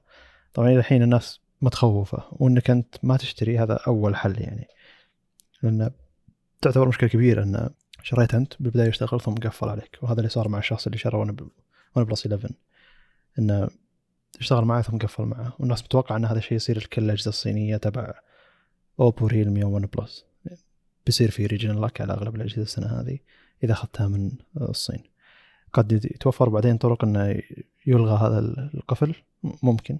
وممكن نفس التاجر الصيني يلغي القفل هذا ويرسل الجهاز لك. لكن إلى أن تنحل المشكلة هذه ما أنصح نهائيا بطلب جهاز صيني من OnePlus أو آه، جهاز يعني نسخة صينية عليها ROM عالمي من OnePlus أو Realme أو Oppo. يعني روح ال Redmi Xiaomi شاب ذوليك ما عندك فيها مشكلة.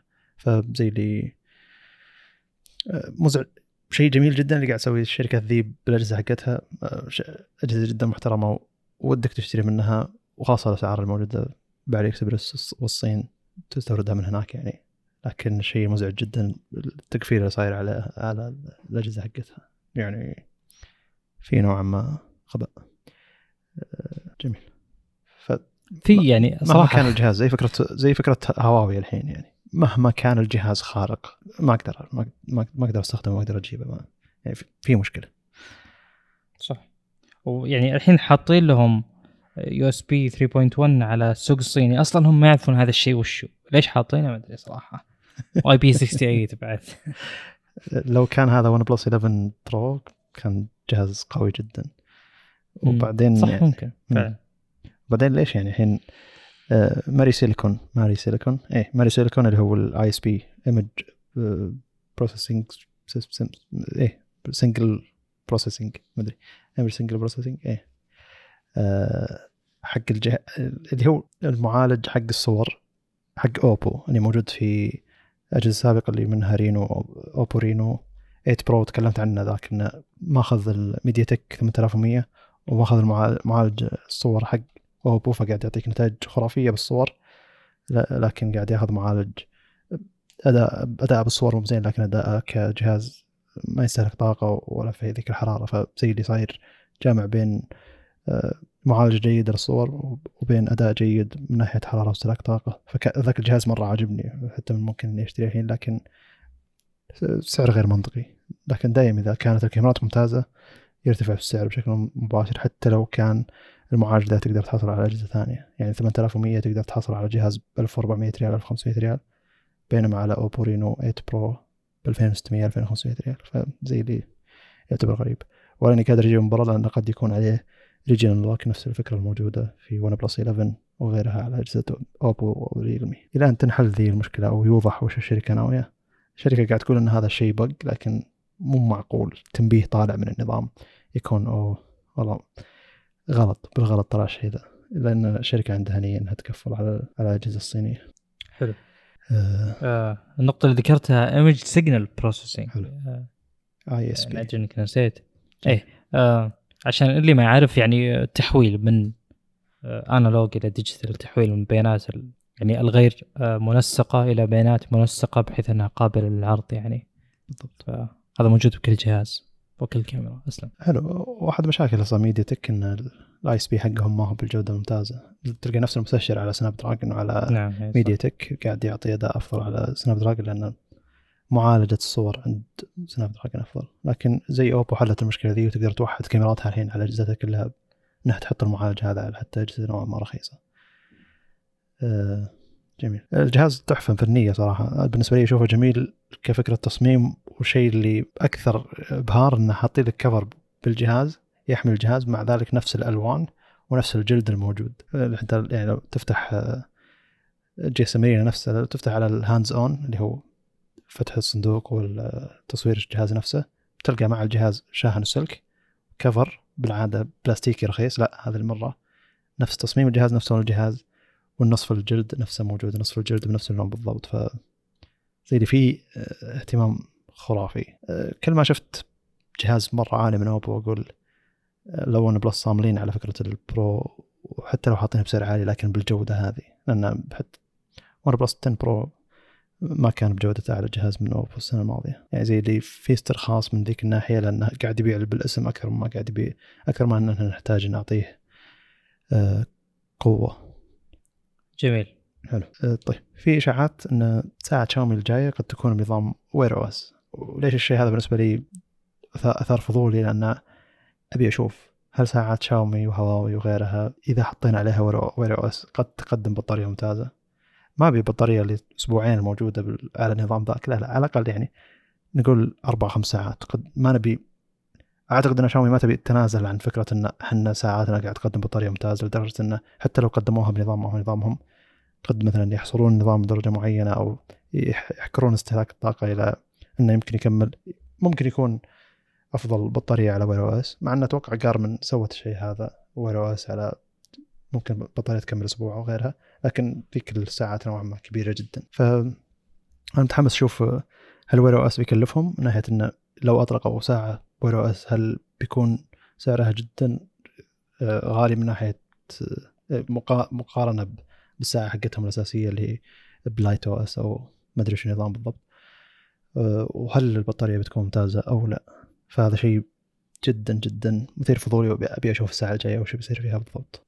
آه على نفسك آه جدا متشوق خصوصا إني في خضم العملية في اني انتقلت مثلا من المي واتش من شاومي آه إلى شيء من سامسونج smart آه sorry Galaxy Watch 5 Pro. حلو. طبعا أنا ما كنت مخطط لاقتنائها هي جتني هدية بس إنه يعني لو كنت بسوي upgrade فهي الساعة اللي باخذها.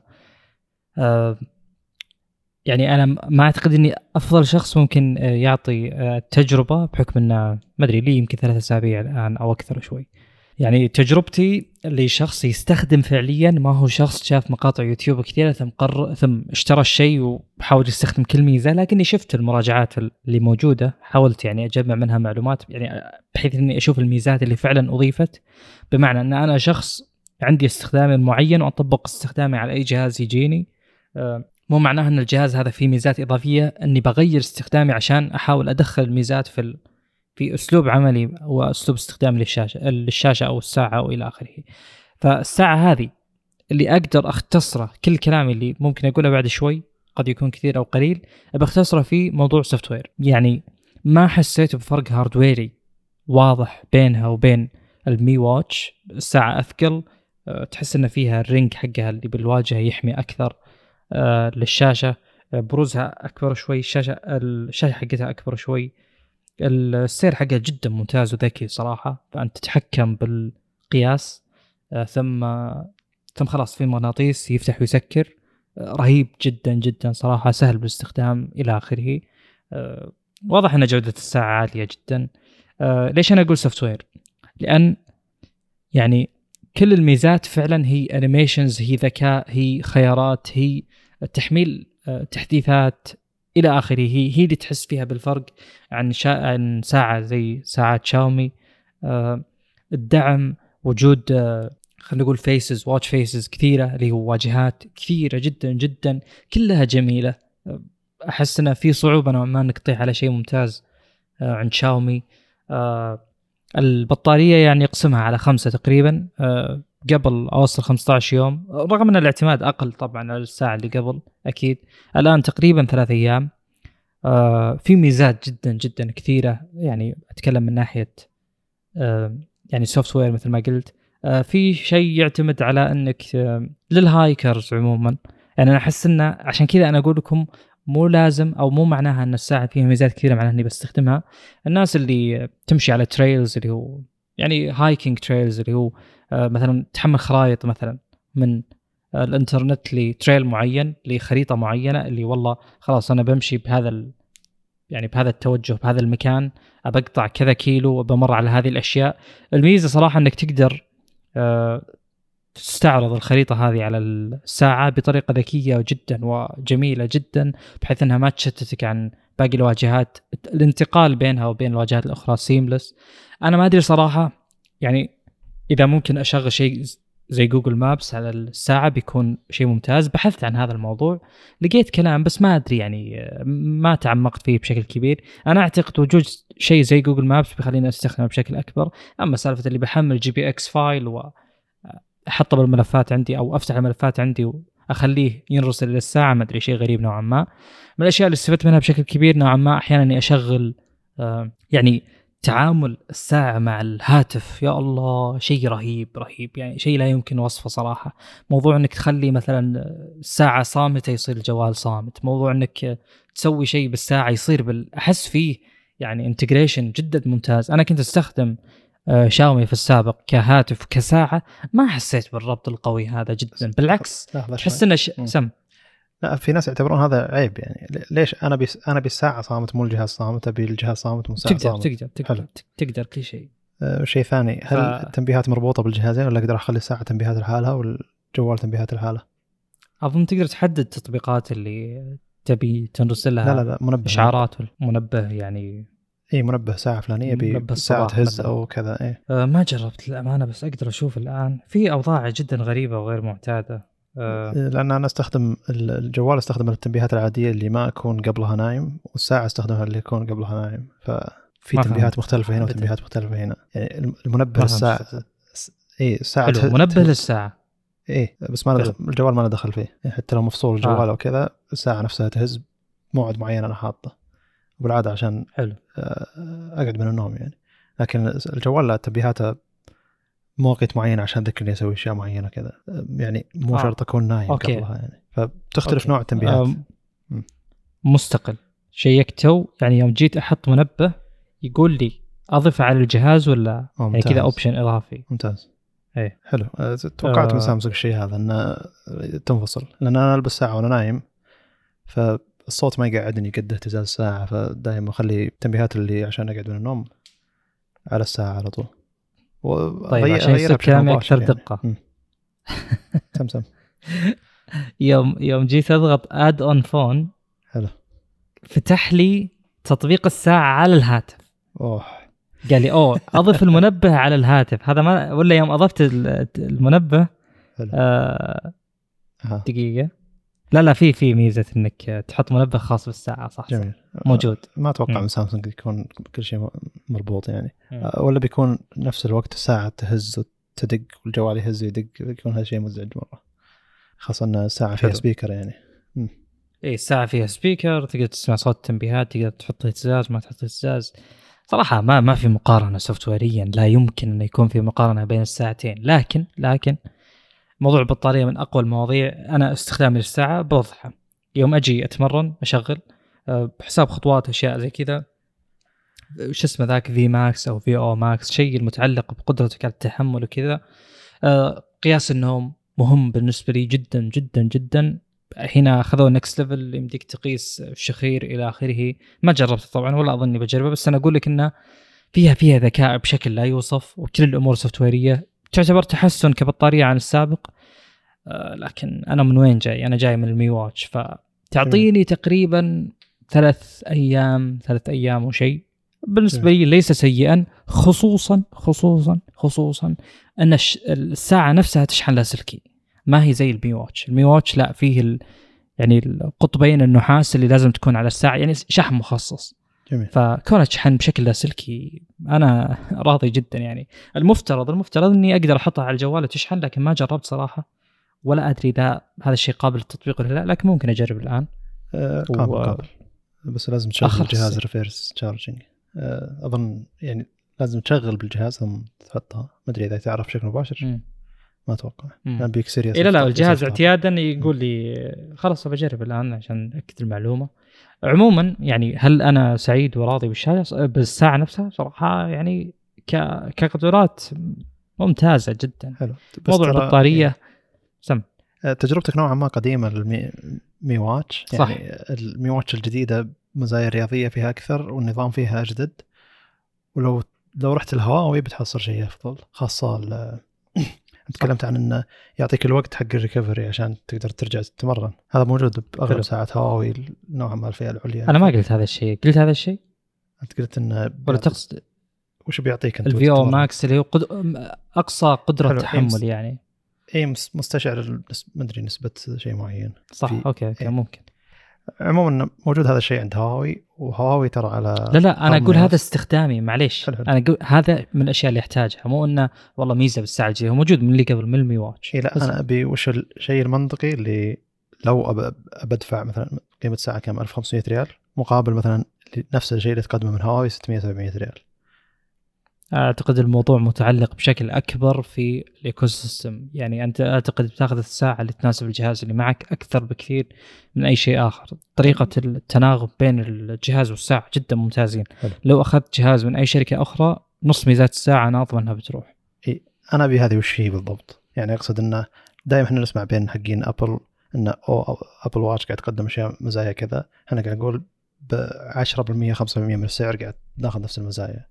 وهم كلهم يتكلمون عن software نفس المشكلة نفس الفكرة حقين سامسونج. يعني أنا كان سؤالي القديم إنه أعطوني وش الفرق اللي يستاهل إني أدفع من 10% من السعر إلى كامل السعر ساعة أبل وساعة سامسونج؟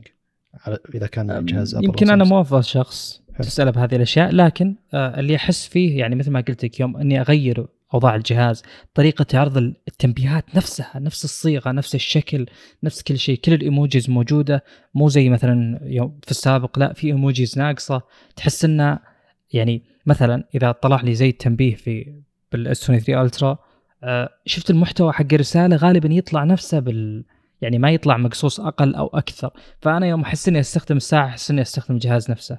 أه متى تشبك ومتى تفصل التحديثات الأشياء هذه؟ والله يا كنت اواجه مشاكل أول مع الساعة اللي قبل. ما يهمني طبعا. يعني الساعة اللي قبل ما كنت أهتم أصلا إنها تكون موجودة في آه إنها تكون شابكة على الجوال. ما يهمني. جميل. لكن الآن صرت أهتم لأن أقدر أطلع كل بيانات الساعة بالجوال. أي أي option كذا تبي أي يعني خيار تبي تضيف عليه تبي تحس فيه في عندك دائما يكون زر show on phone بمجرد ما تضغطه تشوف نفس الشاشة على الجوال بحيث انها أكبر يمديك تكتب وإلى آخره. فصراحة لا يعني فعلا الربط خرافي يعني نفس الثيم نفس الواجهة نفس الإيقونات نفس ال... يعني التطبيقات بنفس الشكل. تفتح Digital Wellbeing اللي بال... بالجوال وتشوف فيه كل شيء بالساعة. آه، موضوع ال workouts يعني التمارين حقتك في الأيام السابقة مثلا يوم تبي تشوف شاشة كبيرة لكل شيء تقدر نفس الشيء تفتح بالجهاز كأنك تستخدم الساعة بس بشاشة 6.8 جميل. هذه الأشياء استخدامها يوضح لك قد إيش يعني أن يوم تكون متناغمة بشكل ممتاز يفرق. مثلا أنا الآن في قائمة بالساعة اللي حقت أنواع التمارين اللي فيها سهولة وصول أو سرعة وصول. حلو؟ يوم أجي أعدل عليها بالساعة الموضوع متعب. يوم أجي أحط ترتيبهم حط لي هذا أول شيء لأني أستخدمه أكثر شيء إلى آخره. لكن يوم يكون عندك مثلا يعني هذا الشيء في في الجوال لا تقدر بسرعة تسوي الواجهات الأنسب لك. يعني مثلا فمثل ما قلت الاستخدام هو اللي بيحدد بشكل أكبر. والساعة صراحة ذكية ذكية بشكل بشكل لا يوصف يعني. أنا ما أدري كيف تكتشف إني قاعد أمشي وأنا توي ماشي أول خطوتين. أعتقد إنها تأخذ مثلا نبضات القلب إذا كانت متناسقة ومرتبة ومع الأخذ بعين الاعتبار كم أمر آخر تقدر تعرف على طول. لأن فعليا هي تكتشف على طول مو زي مثلا في السابق. آه لا يعني يمكن بعد ما تمشي بخمس دقائق يقول ترى أنت قاعد تمشي. لكن هنا لا. من أول 20 ثانية يقول أنت تمشي. طب شلون؟ شلون فرقت على المشي اللي والله أنا طالع من البيت ولا إلى آخره يعني؟ فعلى طول تكتشف يعني ال behavior السلوك حقك يعني. هل هذا الشيء جيد ولا سيء؟ ما أدري بس يعني هو موجود. جميل. وطبعا ال animations أسرع الشاشه الساعة بشكل عام شاشتها والتعامل معها أسرع التنقل بين القوائم أسرع في ملتي تاسكينج على كيف كيفك. أول إذا أنا داخل في تمرين بالساعة ما أقدر أطلع اشغل أي شيء آخر لا يمكن. اقعد بالتمرين لين تخلص منه. بعدين تقدر تسكر التمرين. هنا تشغل تمرين إن شاء الله تشغل آه، عداد آه، مثلا ثواني ولا دقائق. أنا أحيانا أحسب عشان آخذ راحة بين تمرين وتمرين يعني. فاول ما كنت أقدر أستخدمها الآن أقدر أستخدمها. فأحس ان فيها قدرة يعني قوية جدا. ما قد حسيت إنها سخنت إلا طبعا أول ما أخذها من الشاحن غالبا تكون ساخنة نوعا ما. جميل. فهي ممتازة. لكن ترى أنا حط ببالك ما شريتها فما أدري كم سعرها بالضبط. حلو. أنا حصلت لي ترى ال- ال Huawei Watch GT 3 النسخه الصغيره مو عاجبني إنها نسخة صغيرة لانها بطاريتها سبع أيام بس بدل أسبوعين. بس سبع أيام يعتبر جيدة. بس كثير من الأشياء اللي أنت قلتها يعني معالجة عند هواوي. ما أدري إذا كان شاومي الجديده معالجة عندها لأن هذه على HarmonyOS. فلما أشغل شيء أقدر أطلع وأروح أشوف أشياء ثانية. لما أشغل عداد أو أبدأ تمرين أقدر أطلع منه ويصير شغال على طول هذا أكيد إن الساعة القديمة حقتك كان الرام حقها مرة ضعيف ما أتوقع إنها تركز بين شيئين وكذا لكن بما إن الحين جهاز سامسونج وساعة سامسونج أنت عندك هل آه، تقدر تفتح القفل حق ال- الجهاز من. من الساعة بشكل مباشر؟ يعني لو طلبت أنت شيء الحين زي ما تقول إن كنت فاتحه بالساعة وقلت لها افتحها لي بالجهاز هل تحتاج تفتح قفل الجهاز ولا ما تحتاج تفتح قفل الجهاز؟ أظن إني أقدر أضيف ميزة انه كونه شابك ما يروح حلو. آه يعني إنه القفل يصير مو مطلوب لكني ما سويت هذا الشيء فيقول لي على طول من يعني أفتح الجهاز من أفتح يطلع الشيء المطلوب هي الميزة هذه موجودة أصلا عند جوجل على أي جهاز بلوتوث إنه يكون هذا الجهاز موثوق لكن يصير على. طول إيه، ما يطلب بالضبط. القفل اي لا أنا إيه، فأنا ما جربت. إضافي إنه لا أضغط الزر. بالشا... بالساعة علشان يفتح القفل بال... في ناس يحطون أصلا رمز قفل بالساعة علشان هذا. في, في حتى القفل حق الماك بعضهم يستخدمون ساعة ابل علشان الشيء هذا. ما أدري عاد التفاعل الصوتي صراحة طريف نوعا ما يعني حلو. آه، لكن أكيد له ضريبة على البطارية ما أقدر أحدد بالضبط كم لكن آه، يعني أحيانا وقت التمرين أو تقول لك والله كملت خمس دقائق عشر دقائق آه، هذا من ضمن الأشياء البسيطة جدا. جميل. آه، موضوع المكالمات تقدر ترد على مكالمة إذا الجوال مو جنبك. أنا أحيانا في السابق مو الآن الآن مع السوني 3 Ultra قليل جدا اشحن الجهاز مقارنة بالسابق في أوقات غير معتادة يعني. فلو كان الجهاز بعيد عني هذه الميزة جيدة. في أشياء مستفزة نوعا ما. ما أدري يعني أحيانا أدخل في workout معين تمرين معين أبلش من الطلعة فيه. يا أخي عطني خيار سريع للخروج منه. لا مم. لازم تدخل عليه. ما أدري يمكن أنا مضيع. لازم تعلق على زر بعدين يطلع لك تطلع لك قائمة اللي تكمل وقف إلى آخره. آه، لكن أعتقد هذه مع الوقت يعني إني بعرف. يعني في الحلقات القادمة ممكن أعطي بيانات أكثر دقة لأن قلت في هذه ال...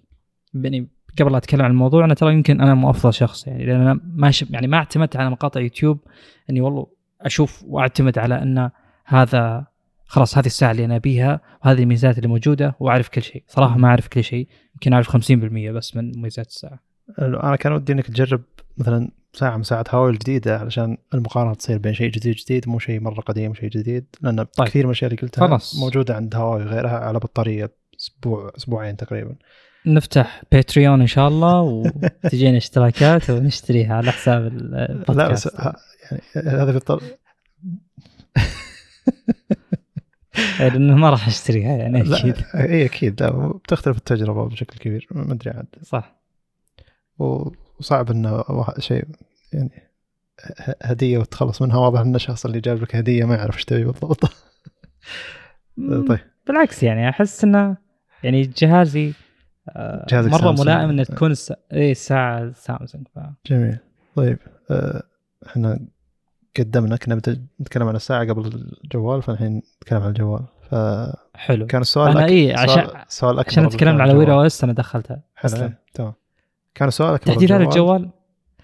هل ال S 22 هل فرق S 23 كبير عن S 22 هذا أكبر سؤال لأنك جربت الجهازين كلها فترة طويلة يعني. آم، بخصوص ال S 23 Ultra ما عندي تحديث على الجهاز نفسه. الجهاز أسطوري جدا جدا. يعني إلى أقصى قدر ممكن يعني مفاجأة كبيرة جدا في فرق الأداء واستقراره والحرارة وكل هذه الأشياء. شيء مبهر يعني شيء مبهر جدا. نعومة الجهاز ما يعلق تفتح مليون شيء تسوي مليون شيء تحطه قدام الشمس ترفع السطوع يعني كل شيء عندك ارمي عليه. ما يقول لا ما تحس بأي مشاكل. أنا ما أدري متى فصلت الجهاز الامانه عن الشاحن ناسي يمكن لي قبل قبل بداية الحلقة بشوي. لا والله بكثير يمكن. يمكن لي ثلاث ساعات وطبعا فاتح الجهاز طول الوقت. الحين 93 مثلا. ما ما ينقص ما ينقص يعني.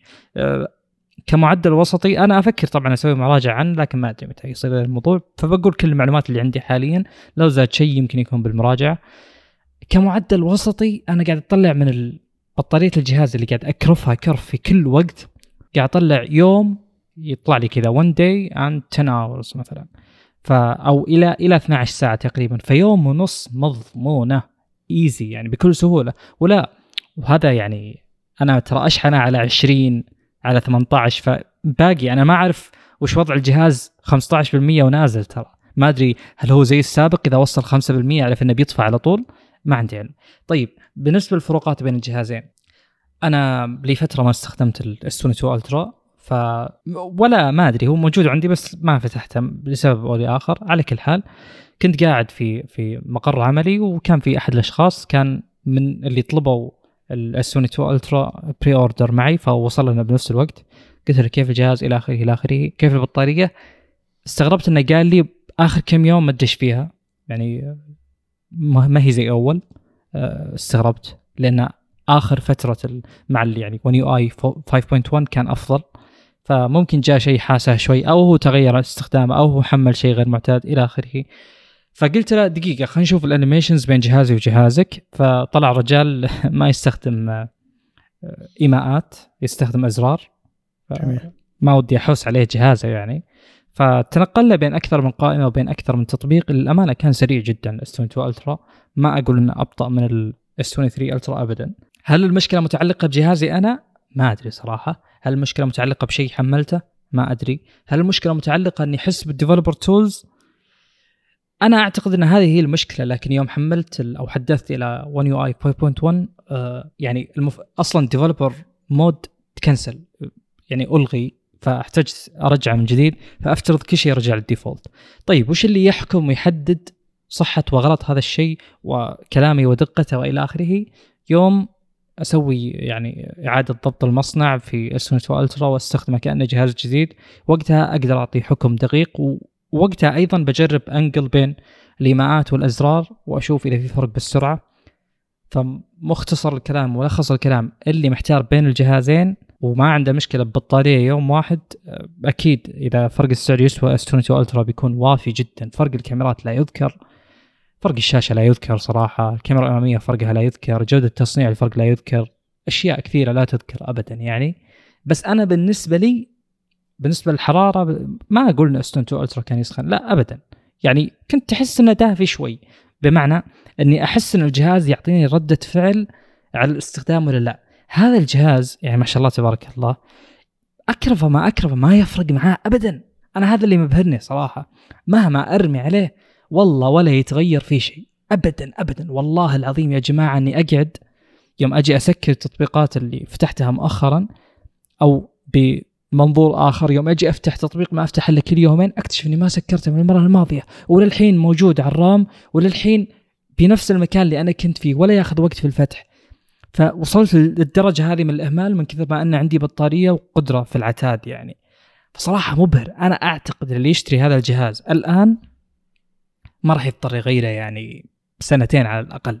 هو مبهر قد ما هو مستقر. يعني هذه الأشياء أحس إنها هي اللي تحدد استمرارية الجهاز معك من ضمن الأجهزة اللي حبيتها Note 8 مثلا كانت طبعا أكيد مشكلته البطارية دمار 3300 ويعتبر أقل من ال S 8 Plus اللي كان في وقته. كان يعني ال Note 8 نازل بعده فالمفروض إن بطاريته نفسها أو أحسن. في ذاك الجهاز كان موضوع إنه يسخن نوعا ما. وإن ال animation تصير شوي أبطأ مع الحرارة وهو موضوع البطارية. فهذه الأشياء deal breaker ما, ما تقدر ما تقدر تكمل مع جهاز بهذه الطريقة. بس مع ال S 23 Ultra هذه الأشياء تعتبر deal maker مو breaker هذه تخليك تاخذ الجهاز وتستمر عليه. وأنا متأكد إن عند كل شخص في فترة معينة من الفترات في جهاز معين من الأجهزة اللي استخدم استخدمها عنده soft spot عليه عنده كذا زي التعاطف معه أو محبة له رغم إنه الأصل في الأجهزة ان كل جهاز جديد أحسن من سابقه. كاميرا شاشة إلى آخره شحن. لكن هذا الجهاز أنا ما يعني صعب جدا جدا يصير في تفوق عليه. يعني وش الأشياء المتوقعة تصير؟ شحن أسرع. ما عندي توقع لأي شيء آخر ممكن يتحسن. طبعا أكيد في تحسن طفيف بالمعالج لكن يمكن لسبب أو لآخر تطلع لك معاه حرارة ولا شيء من هذا القبيل أو عدم استقرار أو إلى آخره. لكن هذا الجهاز بوضعه الحالي معي أنا صراحة أشوفه تحس إنه يعني وجد من مصنع عنده خبرة طويلة واستخدم كل الخبرة في جهاز واحد. مو إنه والله قال بجرب شيء جديد بجرب شيء غير معتاد في أمور كثيرة. يعني تحس إن هذا الجهاز تطور سنين وليس جهاز جديد كليا فجأة.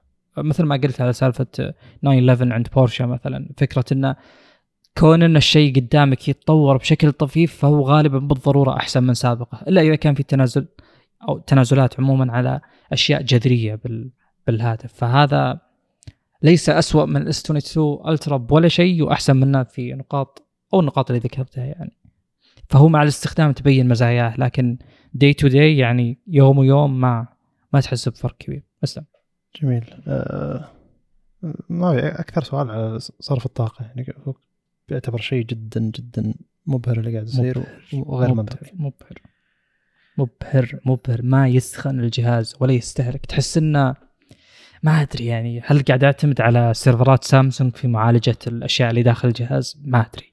بس إنه ما يستجيب لأي ضغط نهائيا ابدا يعني.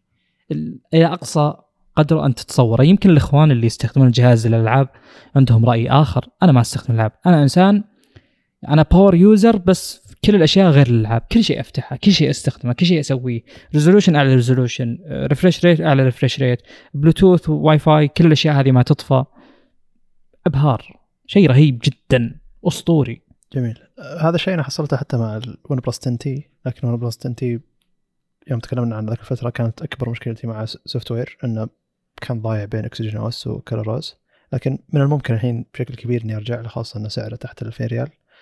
على 16 جيجا RAM 256 8 Gen 8 Plus Gen 1 ممكن أرجع للجهاز علشان آه، بدأوا يرجعون إنه يضيفون مزايا بدل ما يشيلون مزايا عشان ينتقلون لنظام ثاني. فرجعهم ما أضافوا ميزة السكرين شوت بثلاث أصابع وإذا سحبتها سحبها يعطيك آه، المكان المعين اللي أنت سحبت عليه. آه، وإذا علقت على ثلاث أصابع بشكل معين تقدر تقسم من الشاشه بدل ما إنك تصور شاشه كاملة. إذا سحبت ثلاث أصابع على فوق يقسم لك الجهاز نصين وياخذ التطبيق اللي اخذته على فوق. ف بدأوا يرجعون انه نبي نفكر بالمزايا حقت النظام بدل ما إننا آه، ننتقل من شكل واجهه إلى شكل واجهه أنا بالنسبة لي انتقال إلى واجهة أوبو مجرد شكل يعني وليس functionality يعني ما في مزايا معينة. هي اللي حاول تعرف functionality مو عادتك ابدا. وش ما أدري عملانيه على قولتهم. design over function على قولتهم ولا شيء. function over design عرفتها يعني أنت. الحين وش وش ال function؟ هو الحين لما تدخل الإنجليزي ال function function دالة. امم عموما بدري ممكن العملانية أو المزايا الإضافية أو طريقة استخدام. يعني أقصد ضمن ضمن استخدامها في السياق ليس استخدام الحرفي. إي بدأوا يضيفون مزايا إضافية بدل ما أنهم يحاولون يدورون أشياء بشكل شكلية فقط عشان ينتقلون الواجهة متعود عليها من ثلاث شركات نفسها. فأنا فأنا ودي يعني الحين الخيار المناسب لي OnePlus 10T قد يكون العودة إلى الجهاز هذاك. لأن شاومي 11T بعد التحديث آه، ما أدري إيش جاء زي ما OnePlus 7T بعد التحديث كذا بدأ بحرارة ومشاكل زي كذا. وصراحة يعني ما تبدأ تركز على مشاكل الحراره إلا إذا ضغطت الجهاز بزيادة أو استخدمت الجهاز بدون cover يبدأ توضح حرارة باللمس يعني. أما إذا كنت. قاعد استخدم جهاز بكفر بالعادة ما ما تلاحظ هل في حرارة أو ما في حرارة. فالفكرة هنا إن أنا يعني الجهاز كمل معي سنة فزي اللي بديت أفكر انه خلنا نستخدم الجهاز بدون كفر. بعدين بديت ألاحظ إنه والله الجهاز يحتر خاصة إنه ألمنيوم يعني. فحتى أطراف الجهاز يوصلها حرارة فبديت الاحظ إنه يحتر بزيادة بزياده بزياده إلى أن بدأ يأثر على نفس أداء الجهاز مع إنه شاومي يعني حتى هو مأثر على أداء الجهاز أسرع من بقية الأجهزة يعني. لكن اللي لاحظته ب OnePlus 10T يوم استخدمته كان حتى لو تحطه على شاحن 160 واط وتستخدم الجهاز ولا كان يفكر بالحرارة وحتى لو تلمس مكان المعالج نفسه ولا ولا هو الحرارة. فأعتقد إنه من Qualcomm Snapdragon 8 Plus Gen 1 وفوق Gen 2 نفس الفكرة. هذه يعني مشاكل الحراره نوعا ما تعتبر انتهت. إلا على بعض الأجهزة اللي يعني ما حسبوا حسابهم وحطوا المعالج قالوا يلا خلاص ما نحتاج نضبط أي شيء. يعني زي ما أدري إذا ننتقل ل Nothing Phone أو لا. آه، يوم يعني شاومي بدأت تخبص معي فقلت لازم تجربة جديدة عشان أروح أتكلم بودكاست عن تجربة جديدة. ومن زمان كان ودي أجرب ال Nothing Phone ال Nothing Phone يعني. ما ودي يفوتني شيء بداياته. إذا الشركة ذي كبرت وصارت من أفضل الشركات بالعالم زي اللي تقول oh ما استخدمت أول جهاز لهم. كان ممتع ولا كان في مشاكل معينة ولا كذا. قلت okay.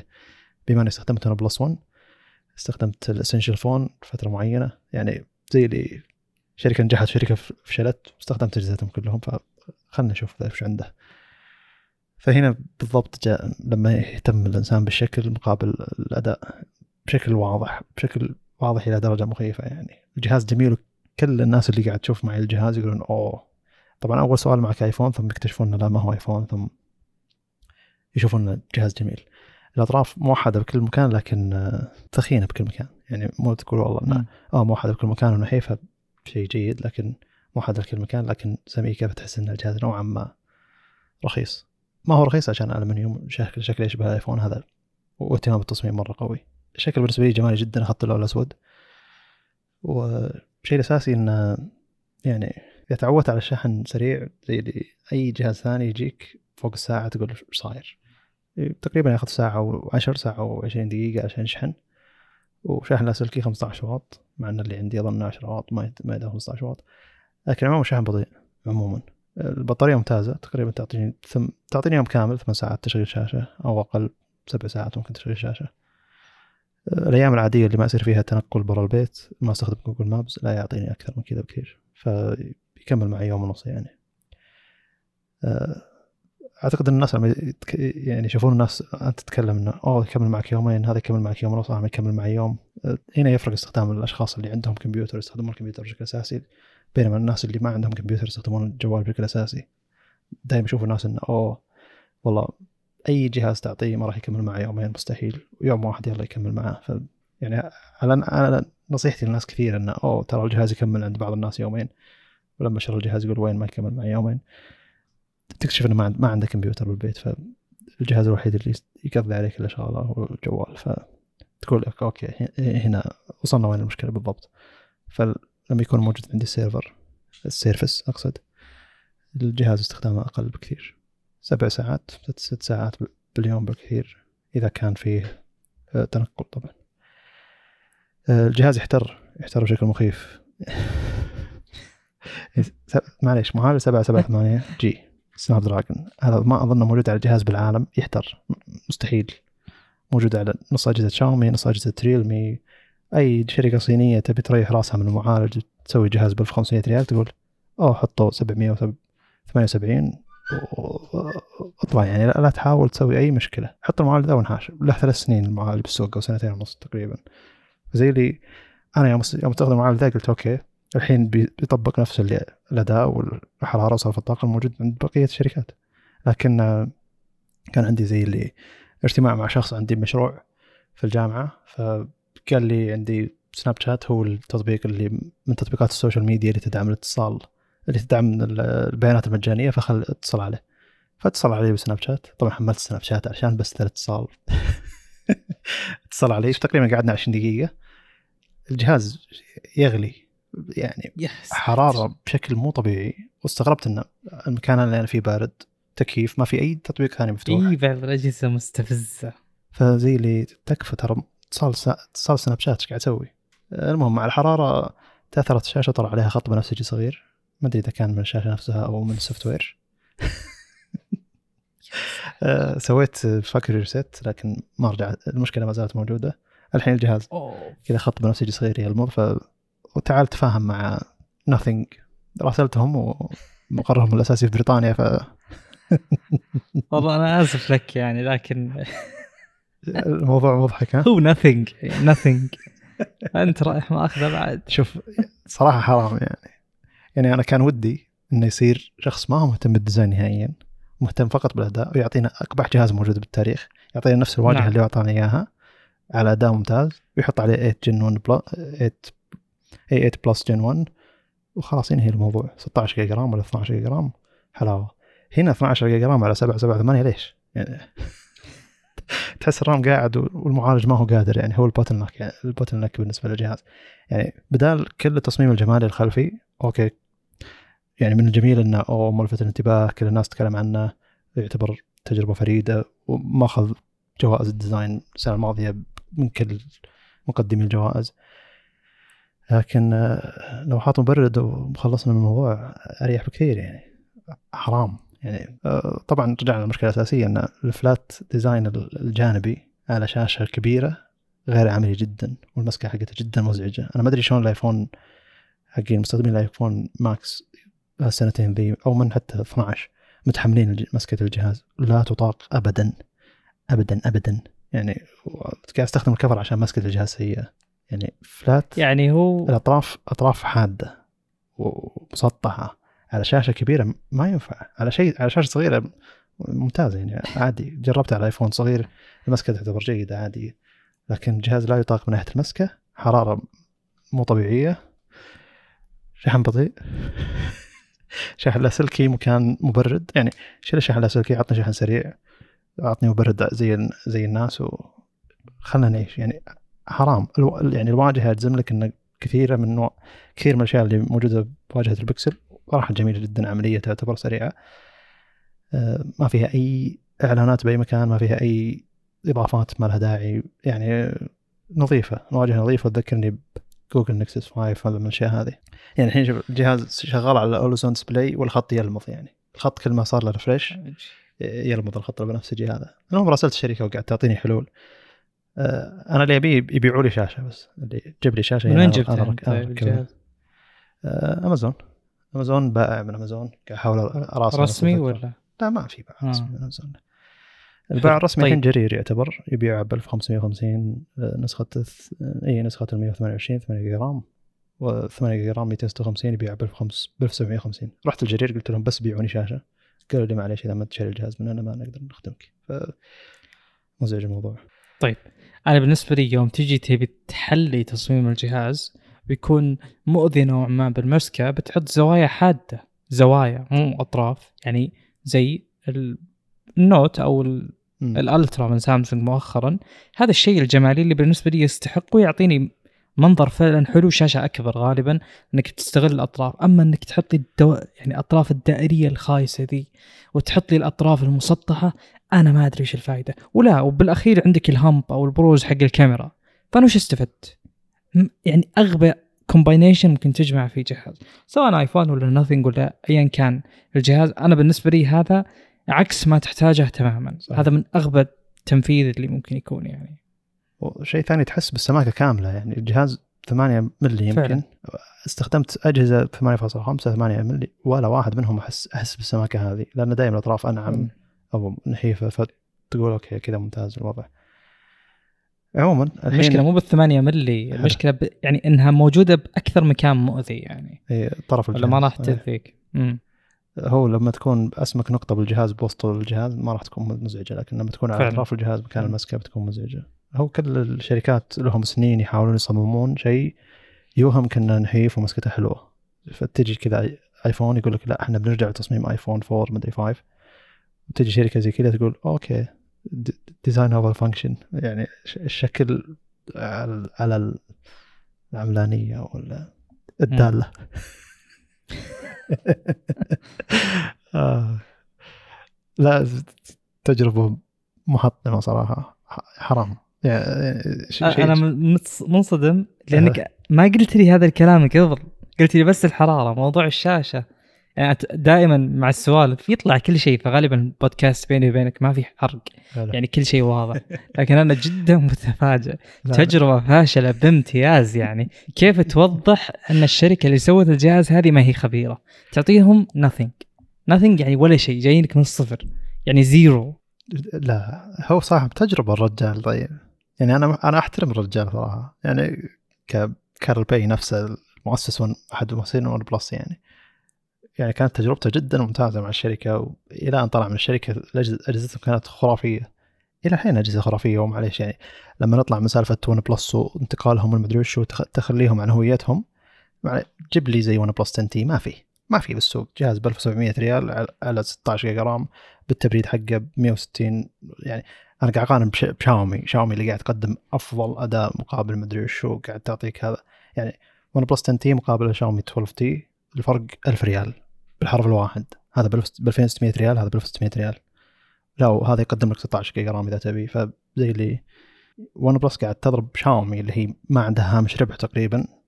ولكن كل الحلطمة اللي على الجهاز إنه اوه يعني هوية ون بلس وينها؟ خل عنك الأشياء ذي وقيس على وضع العالم وضع وش هو الأجهزة الموجودة اللي تقارن الحين مقارنة. يعني بالنسبة لي إذا انحلت مشكلة إن ال software ضايع بين النظامين وخلاص صار هو نفس واجهة اوبو وريلمي الجهاز المثالي. يعني كنت قاعد مع شباب مع شباب بالسيارة واحد من الشباب قال لي أو أبوي مع ون بلس 3 تخيل. اللي أنت نصحتنا فيه وللحين ماشي معه بس إن تطبيقات البنوك ما تشتغل. إلى الدرجة ذي الجهاز قديم والنظام الموجود عليه التحديث قديم. فيبي يغير علشان تطبيقات البنوك ما تشتغل. فقلت له الحين الحين تقدر تشتري ون بلس 10 تي ب 1550 ريال. 16 جيجا RAM 256 160 واط. يعني بين وبين إقامة الجهاز من الصفر للمية. وأفضل معالجات السنة الماضية وبدون أي حرارة حتى مع الشحن. وتقريبا الواجهة حلوا مشاكلها. يعني أنا قاعد أتابع الواجهة بشغف علشان أشوف وش حلوا وش وش خلوا وقاعد أشوف وش المزايا اللي أضافوها زي اللي أبي أرجع أشتري الجهاز هذاك. ولأن الون بلس 10 تي ما في regional lock أو مستحيل يصير في regional lock فممكن آخذه. ولا الخيار الأفضل بيكون ون بلس 11 آر اللي هو ون بلس 11 نفسه لكن المعالج أقدم اللي هو 8 Plus Gen 1 شاشة ما هي ال LTPO لكنها 1080 آه، نفس الشاحن نفس كل شيء الباقي. بدون Hasselblad الكاميرا الأساسية نفسها لكن الكاميرات الباقية مسترخصين فيها. فزي اللي منفصلين لي الجهاز يعني. وأيضا السعر نوعا ما رخيص آه، لكن بشاشة منحنية الأطراف ممكن هذا يكون شيء يرد. واللي يرد الشيء الأساسي ايجابيه ون بلس لا تزال موجودة. قيمة مقابل السعر مع واجهة ممتازة. بالضبط. يعني عجيب. واجهة ممتازة الحين. يعني اندرويد 12 كانت شوي ضايعة بين النظامين وهذا كنت أعاني منه يعني.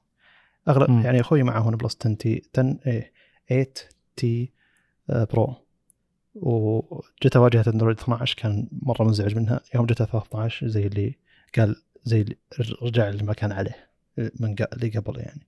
هو ما يهمه الشكل لكن يهمه اللي معطينا الاشياء العملية من ناحية تغيير الواي فاي بشكل مباشر تغيير بلوتوث بشكل مباشر التنبيهات ما تتأخر من الأشياء هذه. فزي اللي انحلت مشاكل كثيرة كانت. موجودة بأندرويد 12 فهذا اللي حلو. بس ممكن يجيك تحديث يطفي عليك 5 جي ويروح هذا هذا على ون بلس 11 يشيل عنك لا أضاف لك إنه ال 5 جي ذا. ما أدري عاد. أنا كنت أفكر بشاومي أساسا يعني. لكن آه، لو باخذ الريدمي كي 60 اللي تكلمنا عنه في الحلقة الماضية فبيكون مركب عليه واجهة عالمية لكن أو ROM عالمي. لكن ما راح يجي تحديثات هوائية فكل تحديث بضطر إني أركبه يدويا. وهذا شيء مالي نفس فيه مرة. يعني آه، هوائي هوائي هوائي ويلا نحدث يعني فكيف إذا تبيني أحدث يدويا. مع انه نوعا ما جهاز أفضل من الون بلس تي. وبتوصل تحديثات أكثر لكن ريدمي بالعادة لا تحديث بس سنتين. ما هو زي شاومي شاومي أظن ثلاث سنوات. هنا هنا وفي شيء في شيء غريب يعتبر جدا. آه، شاومي تحسب التحديث اللي نزل فيه الجهاز ك يعني تحديث أساسي. يعني ون بلس 10 تي 11 تي مثلا يقول لك بيوصل ثلاث تحديثات أندرويد أساسية. وهو نزل على أندرويد 11 فوصل له 12 13 خلاص وقفنا. وصل آه. تحديثين أساسية ما وصل ثلاث تحديثات أساسية. فحسبوا التحديث اللي نازل فيه هو اللي هو أندرويد 11 لكن ون بلس واوبو ريلمي لا. يقول لك بيوصل ثلاث تحديثات اللي هو غير النظام اللي هو نازل عليه. زي اللي زي اللي شاومي قاعد تلعب لعبة غريبة. فأنا قلت يعني الحين ون بلس 11 تي في حرارة فلازم أفرمت الجهاز عشان تروح الحرارة وهذا شيء يعتبر غريب بأجهزة شاومي. إذا إذا صار في حرارة لازم تفرمت الجهاز عشان تروح الحرارة. قابلت ناس كثير موجود عندنا في جروب شاومي. ولا شاومي على تليجرام لكن ال إيه.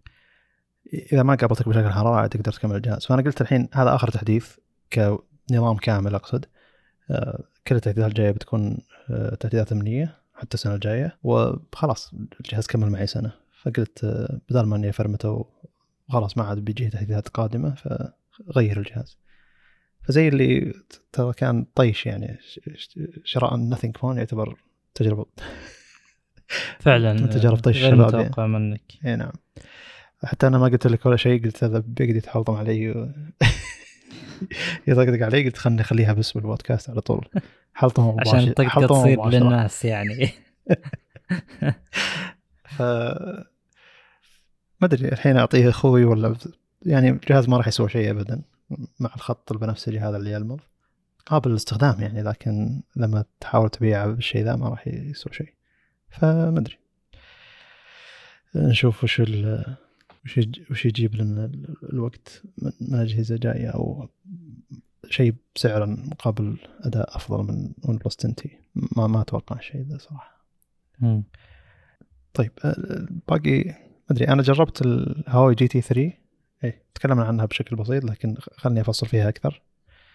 آه، من الأشياء اللي عجبتني فيها جودة الساعة نفسها وتصميمها تقريبا مشابه لساعة جوجل بيكسل وفيها crown الزر اللي يدور نفسه تقدر تتحكم وتقدر تنقل بالنظام فيه يعني. فهذا من المزايا الجميلة. وعاجبني إنهم حاسبين حسابهم إن آه، الرزق حقك قد يرتفع فممكن فممكن يضغط الازرار نفسها فمخلين الازرار نوعا ما متباعده شوي علشان المكان اللي يضغط فيه الرزق حق الشاشة آه، ما يضغط الازرار هذه هذه مشكلة كنت احصلها بساعة شاومي سابقا لأن ازرارها مرة ظاهرة وقريبة حيل من الرزق. فمرات إذا جيت أبي أقوم من الجلسة أو أو أي شيء يضطر إني أرفع الرسغ يعني شايل شيء ولا شيء آه، اكتشفت إني ضغطت ضغطة بالأزرار. لكن مع هواوي ما حصلت المشكلة ذي. أيضا ساعة أصغر شوي فما أتوقع إنها توصل للرسغ إلى الدرجة ذي. آه، النظام مرة أسرع من السابق يعني. أنا جربت ساعه هواوي Watch Fit الأساسية وجربت Honor Band 6 Honor Band 7 نفس الفكرة. فزي اللي HarmonyOS كان مرة أسرع. وتقدر تفتح شيء أو تشغل مؤقت أو تشغل تنبيه وتنقل باقي النظام ولا ولا يأثر عليه. آه، تقدر تتصل من نفس الجهاز لكن على الأشياء اللي أنت توك على الأرقام اللي توك متصل عليها ما تقدر تبحث عن أرقام جديدة. فزي اللي وش آخر أربع أو خمس أسماء أنت اتصلت عليها تقدر تتصل عليها من الجهاز مرة ثانية من الساعة مرة ثانية. إذا اتصلت من الجوال تقدر تختارها ك هي سم... كأنها تصير سماعة بلوتوث تقدر تتكلم فيها مكالمه آه، إذا جت مكالمه مباشرة تقدر ترد مباشرة من السماعه من الساعة. و ما- هذه كانت رفاهية بالنسبة لي يعني ما- استخدمتها بشكل كبير. آه، speaker ماخذ مساحة بالنسبة لي لو حطيتها بطارية وشلت ال speaker بيكون شيء أفضل. آه، ردود مباشرة تقدر تختار ردود معينة. آه، يعني تقدر تحط ردود مسبقة حتى بالعربي أو emojis معينة آه، تنقل فيها وترد على الرسائل اللي قاعد تجيك. والجيد إنه حتى إذا رديت ورجعت على الجوال. آه، بيبقى الرد كأنك راد على التنبيه والتنبيه ما زال موجود عرفت الفكرة؟ إذا جاك. شيء من الواتساب مثلا ورديت يبقى التنبيه موجود كأنك قاعد تسوي تكمل محادثة على من تنبيه الواتساب ما تتقفل التنبيه. فزي اللي أنا رديت من الساعة ما راح أضطر إني أدخل التطبيق هناك. ممكن بس أسحب الإشعار عشان أكمل المحادثة ولا أشوف الرد فيعتبر شيء جيد. آه، فيها مشاكل من ناحية مرات اللو... إذا كانت بداية الرسالة إنجليزي ثم عربي تنحاس داخل الساعة لكن هذا شيء متوقع خاصة رسائل البنوك والأشياء هذه. آه، المحاذاه تعتبر مرة صعبة. إذا بدايه إنجليزي ثم في كلام عربي آه، أتوقع كثير من الساعات تعاني من الشيء هذا. آه، فيها إذا تمرنت تمرين أو مشيت مشي طويل أو ركضت يعطيك الوقت اللي تحتاجه للراحة عشان ترجع تتمرن مرة ثانية. هذا شيء يعتبر جيد جدا. ال- زي اللي التعافي هو جزء كبير من الرياضة وخاصة في بناء اللياقة وبناء العضلات. إذا كان آه، هذا الشيء أنت ما تقدر تقيسها بنفسك فتبي ساعة تقيسها لك من الساعات اللي تقدم المزايا هذه. عموما ساعة يعني جدا جدا ممتازة. واكتشفت إنه إذا أخذت ساعة قيمتها كذا تقريبا 900 ألف ريال تريح بالك خلاص ما تحاول تتنقل بين ساعات ثانية. يعني خلاص شيء يستاهل قيمته فيه. لكن نفس الفكرة البطارية تعتبر مح- محبطة. يعني لو إني ما أخذ النسخة البرو ممكن يكون أفضل. بس إنها هي حصلت لي بسعر جيد يعني من أحد الاصدقاء فاخذتها ولا ما, ما أتوقع إني بدفع فوق الألف ريال على ساعة. خاصة معرفتي بالمزايا اللي تقدمها هذيك الساعات مع المزايا اللي ممكن أحصل عليها بساعات أقل. مع إنها هي تعتبر آه، شيء شكلي بشكل كبير. فمنطقي إنك تدفع على ساعة مبلغ عالي. لكن ساعات الالكترونيه ما قيمتها ما هي فيها. يعني الحين الناس اللي يشترون ساعات الكلاسيكية أو الساعات الميكانيكية هو شيء قيمته فيه ومع الوقت ما ما تقل سعره. لكن الساعات الإلكترونية ما تستاهل لانها آه، شو ديسبوزبل والله أنا أستخدم عقلي للأمانة فما sentimental values هذه اللي موجودة بالأشياء ذي يعني أنا ما هي غير بس. آه، ساعات الميكانيكية ما- ما تحتاج تحديث كل فترة والشركة إذا حاولت تخلصت من اي التحديثات عشان كذا تمسك سعرها عشان. كذا ما في شيء ينزل أحسن منها إيه. طيب آه، الناس تشتري وتبيع فيها وفي collectors وكذا طب. وين ال function الدالة وينها ما في وش الخدمة اللي فعلا تقدمها فكونه شيء مشاعري. ما يصلح يجي واحد يعممه آه. على الناس يناسبك أنت يعجبك أنت الله يوفقك إيه، حلو ممتاز عموما. جمالي ترى بس بالنسبة لأغلب الناس أعتقد لا هو جمالي عشان كذا تشوف إن الفضائيين مختلفين جدا. اللي يشتري ساعات كلاسيكية لا يزال عليها واللي يشتري ساعات ذكية بيستمر عليها وممكن يحدث مع الوقت. حلو. فعشان كذا أنا بالنسبة لي غير منطقي إنك تدفع على ساعة آه، تقنية أو ساعة ذكية أو متبع لياقة آه، لل تدفع مبلغ عالي عليها عشان شكلها جميل لأنها بتنتهي. ما ما لها قيمة جمالية أو صناعية. تبقى معك فترة طويلة. تورثها لعيالك أو شيء كذا زي كذا اللي يبقى اللي تبقى مع الساعة 20 سنة تنقلوها الأجيال والكلام هذا هذه كلها ساعات ميكانيكيه ما هي ساعات ذكية. ساعات ذكيه بتنتهي ولا يعني الساعة نفسها بتنتهي بعد أربع سنوات ممكن غير مدعومة بتحديثات وخلاص ما تشبك على الأجهزة الجديدة مرة زي كذا. ف علشان كذا. جميل. أه هنا نكون خلصنا. آه، الحلقة إن شاء الله يكون كان فيها مفاجآت جميلة كذا وأكشن ضحك كنت مخطط بشكل كبير إنه أوه ما ما أقول لك مع إني قلت الناس قريبين. منك كثير لكن اشونا ما جاك خبر. آه، جميل. طيب آه، هل تعتقد ما أدري أول مرة نسجل رمضان صح؟ إحنا من 2019 بدينا. ممكن. فبعد أربع سنين الآن. إيه. فقد قد يكون حلقات رمضان ممتعة أكثر. ما أدري. ممكن. الذهن صافي أكثر نوعا ما. ممكن. آه، شكرا لكم استماع. آه، لا تنسون تتابعونا بكل مكان يوتيوب وتويتر والتقييم على آيتونز. والسلام عليكم.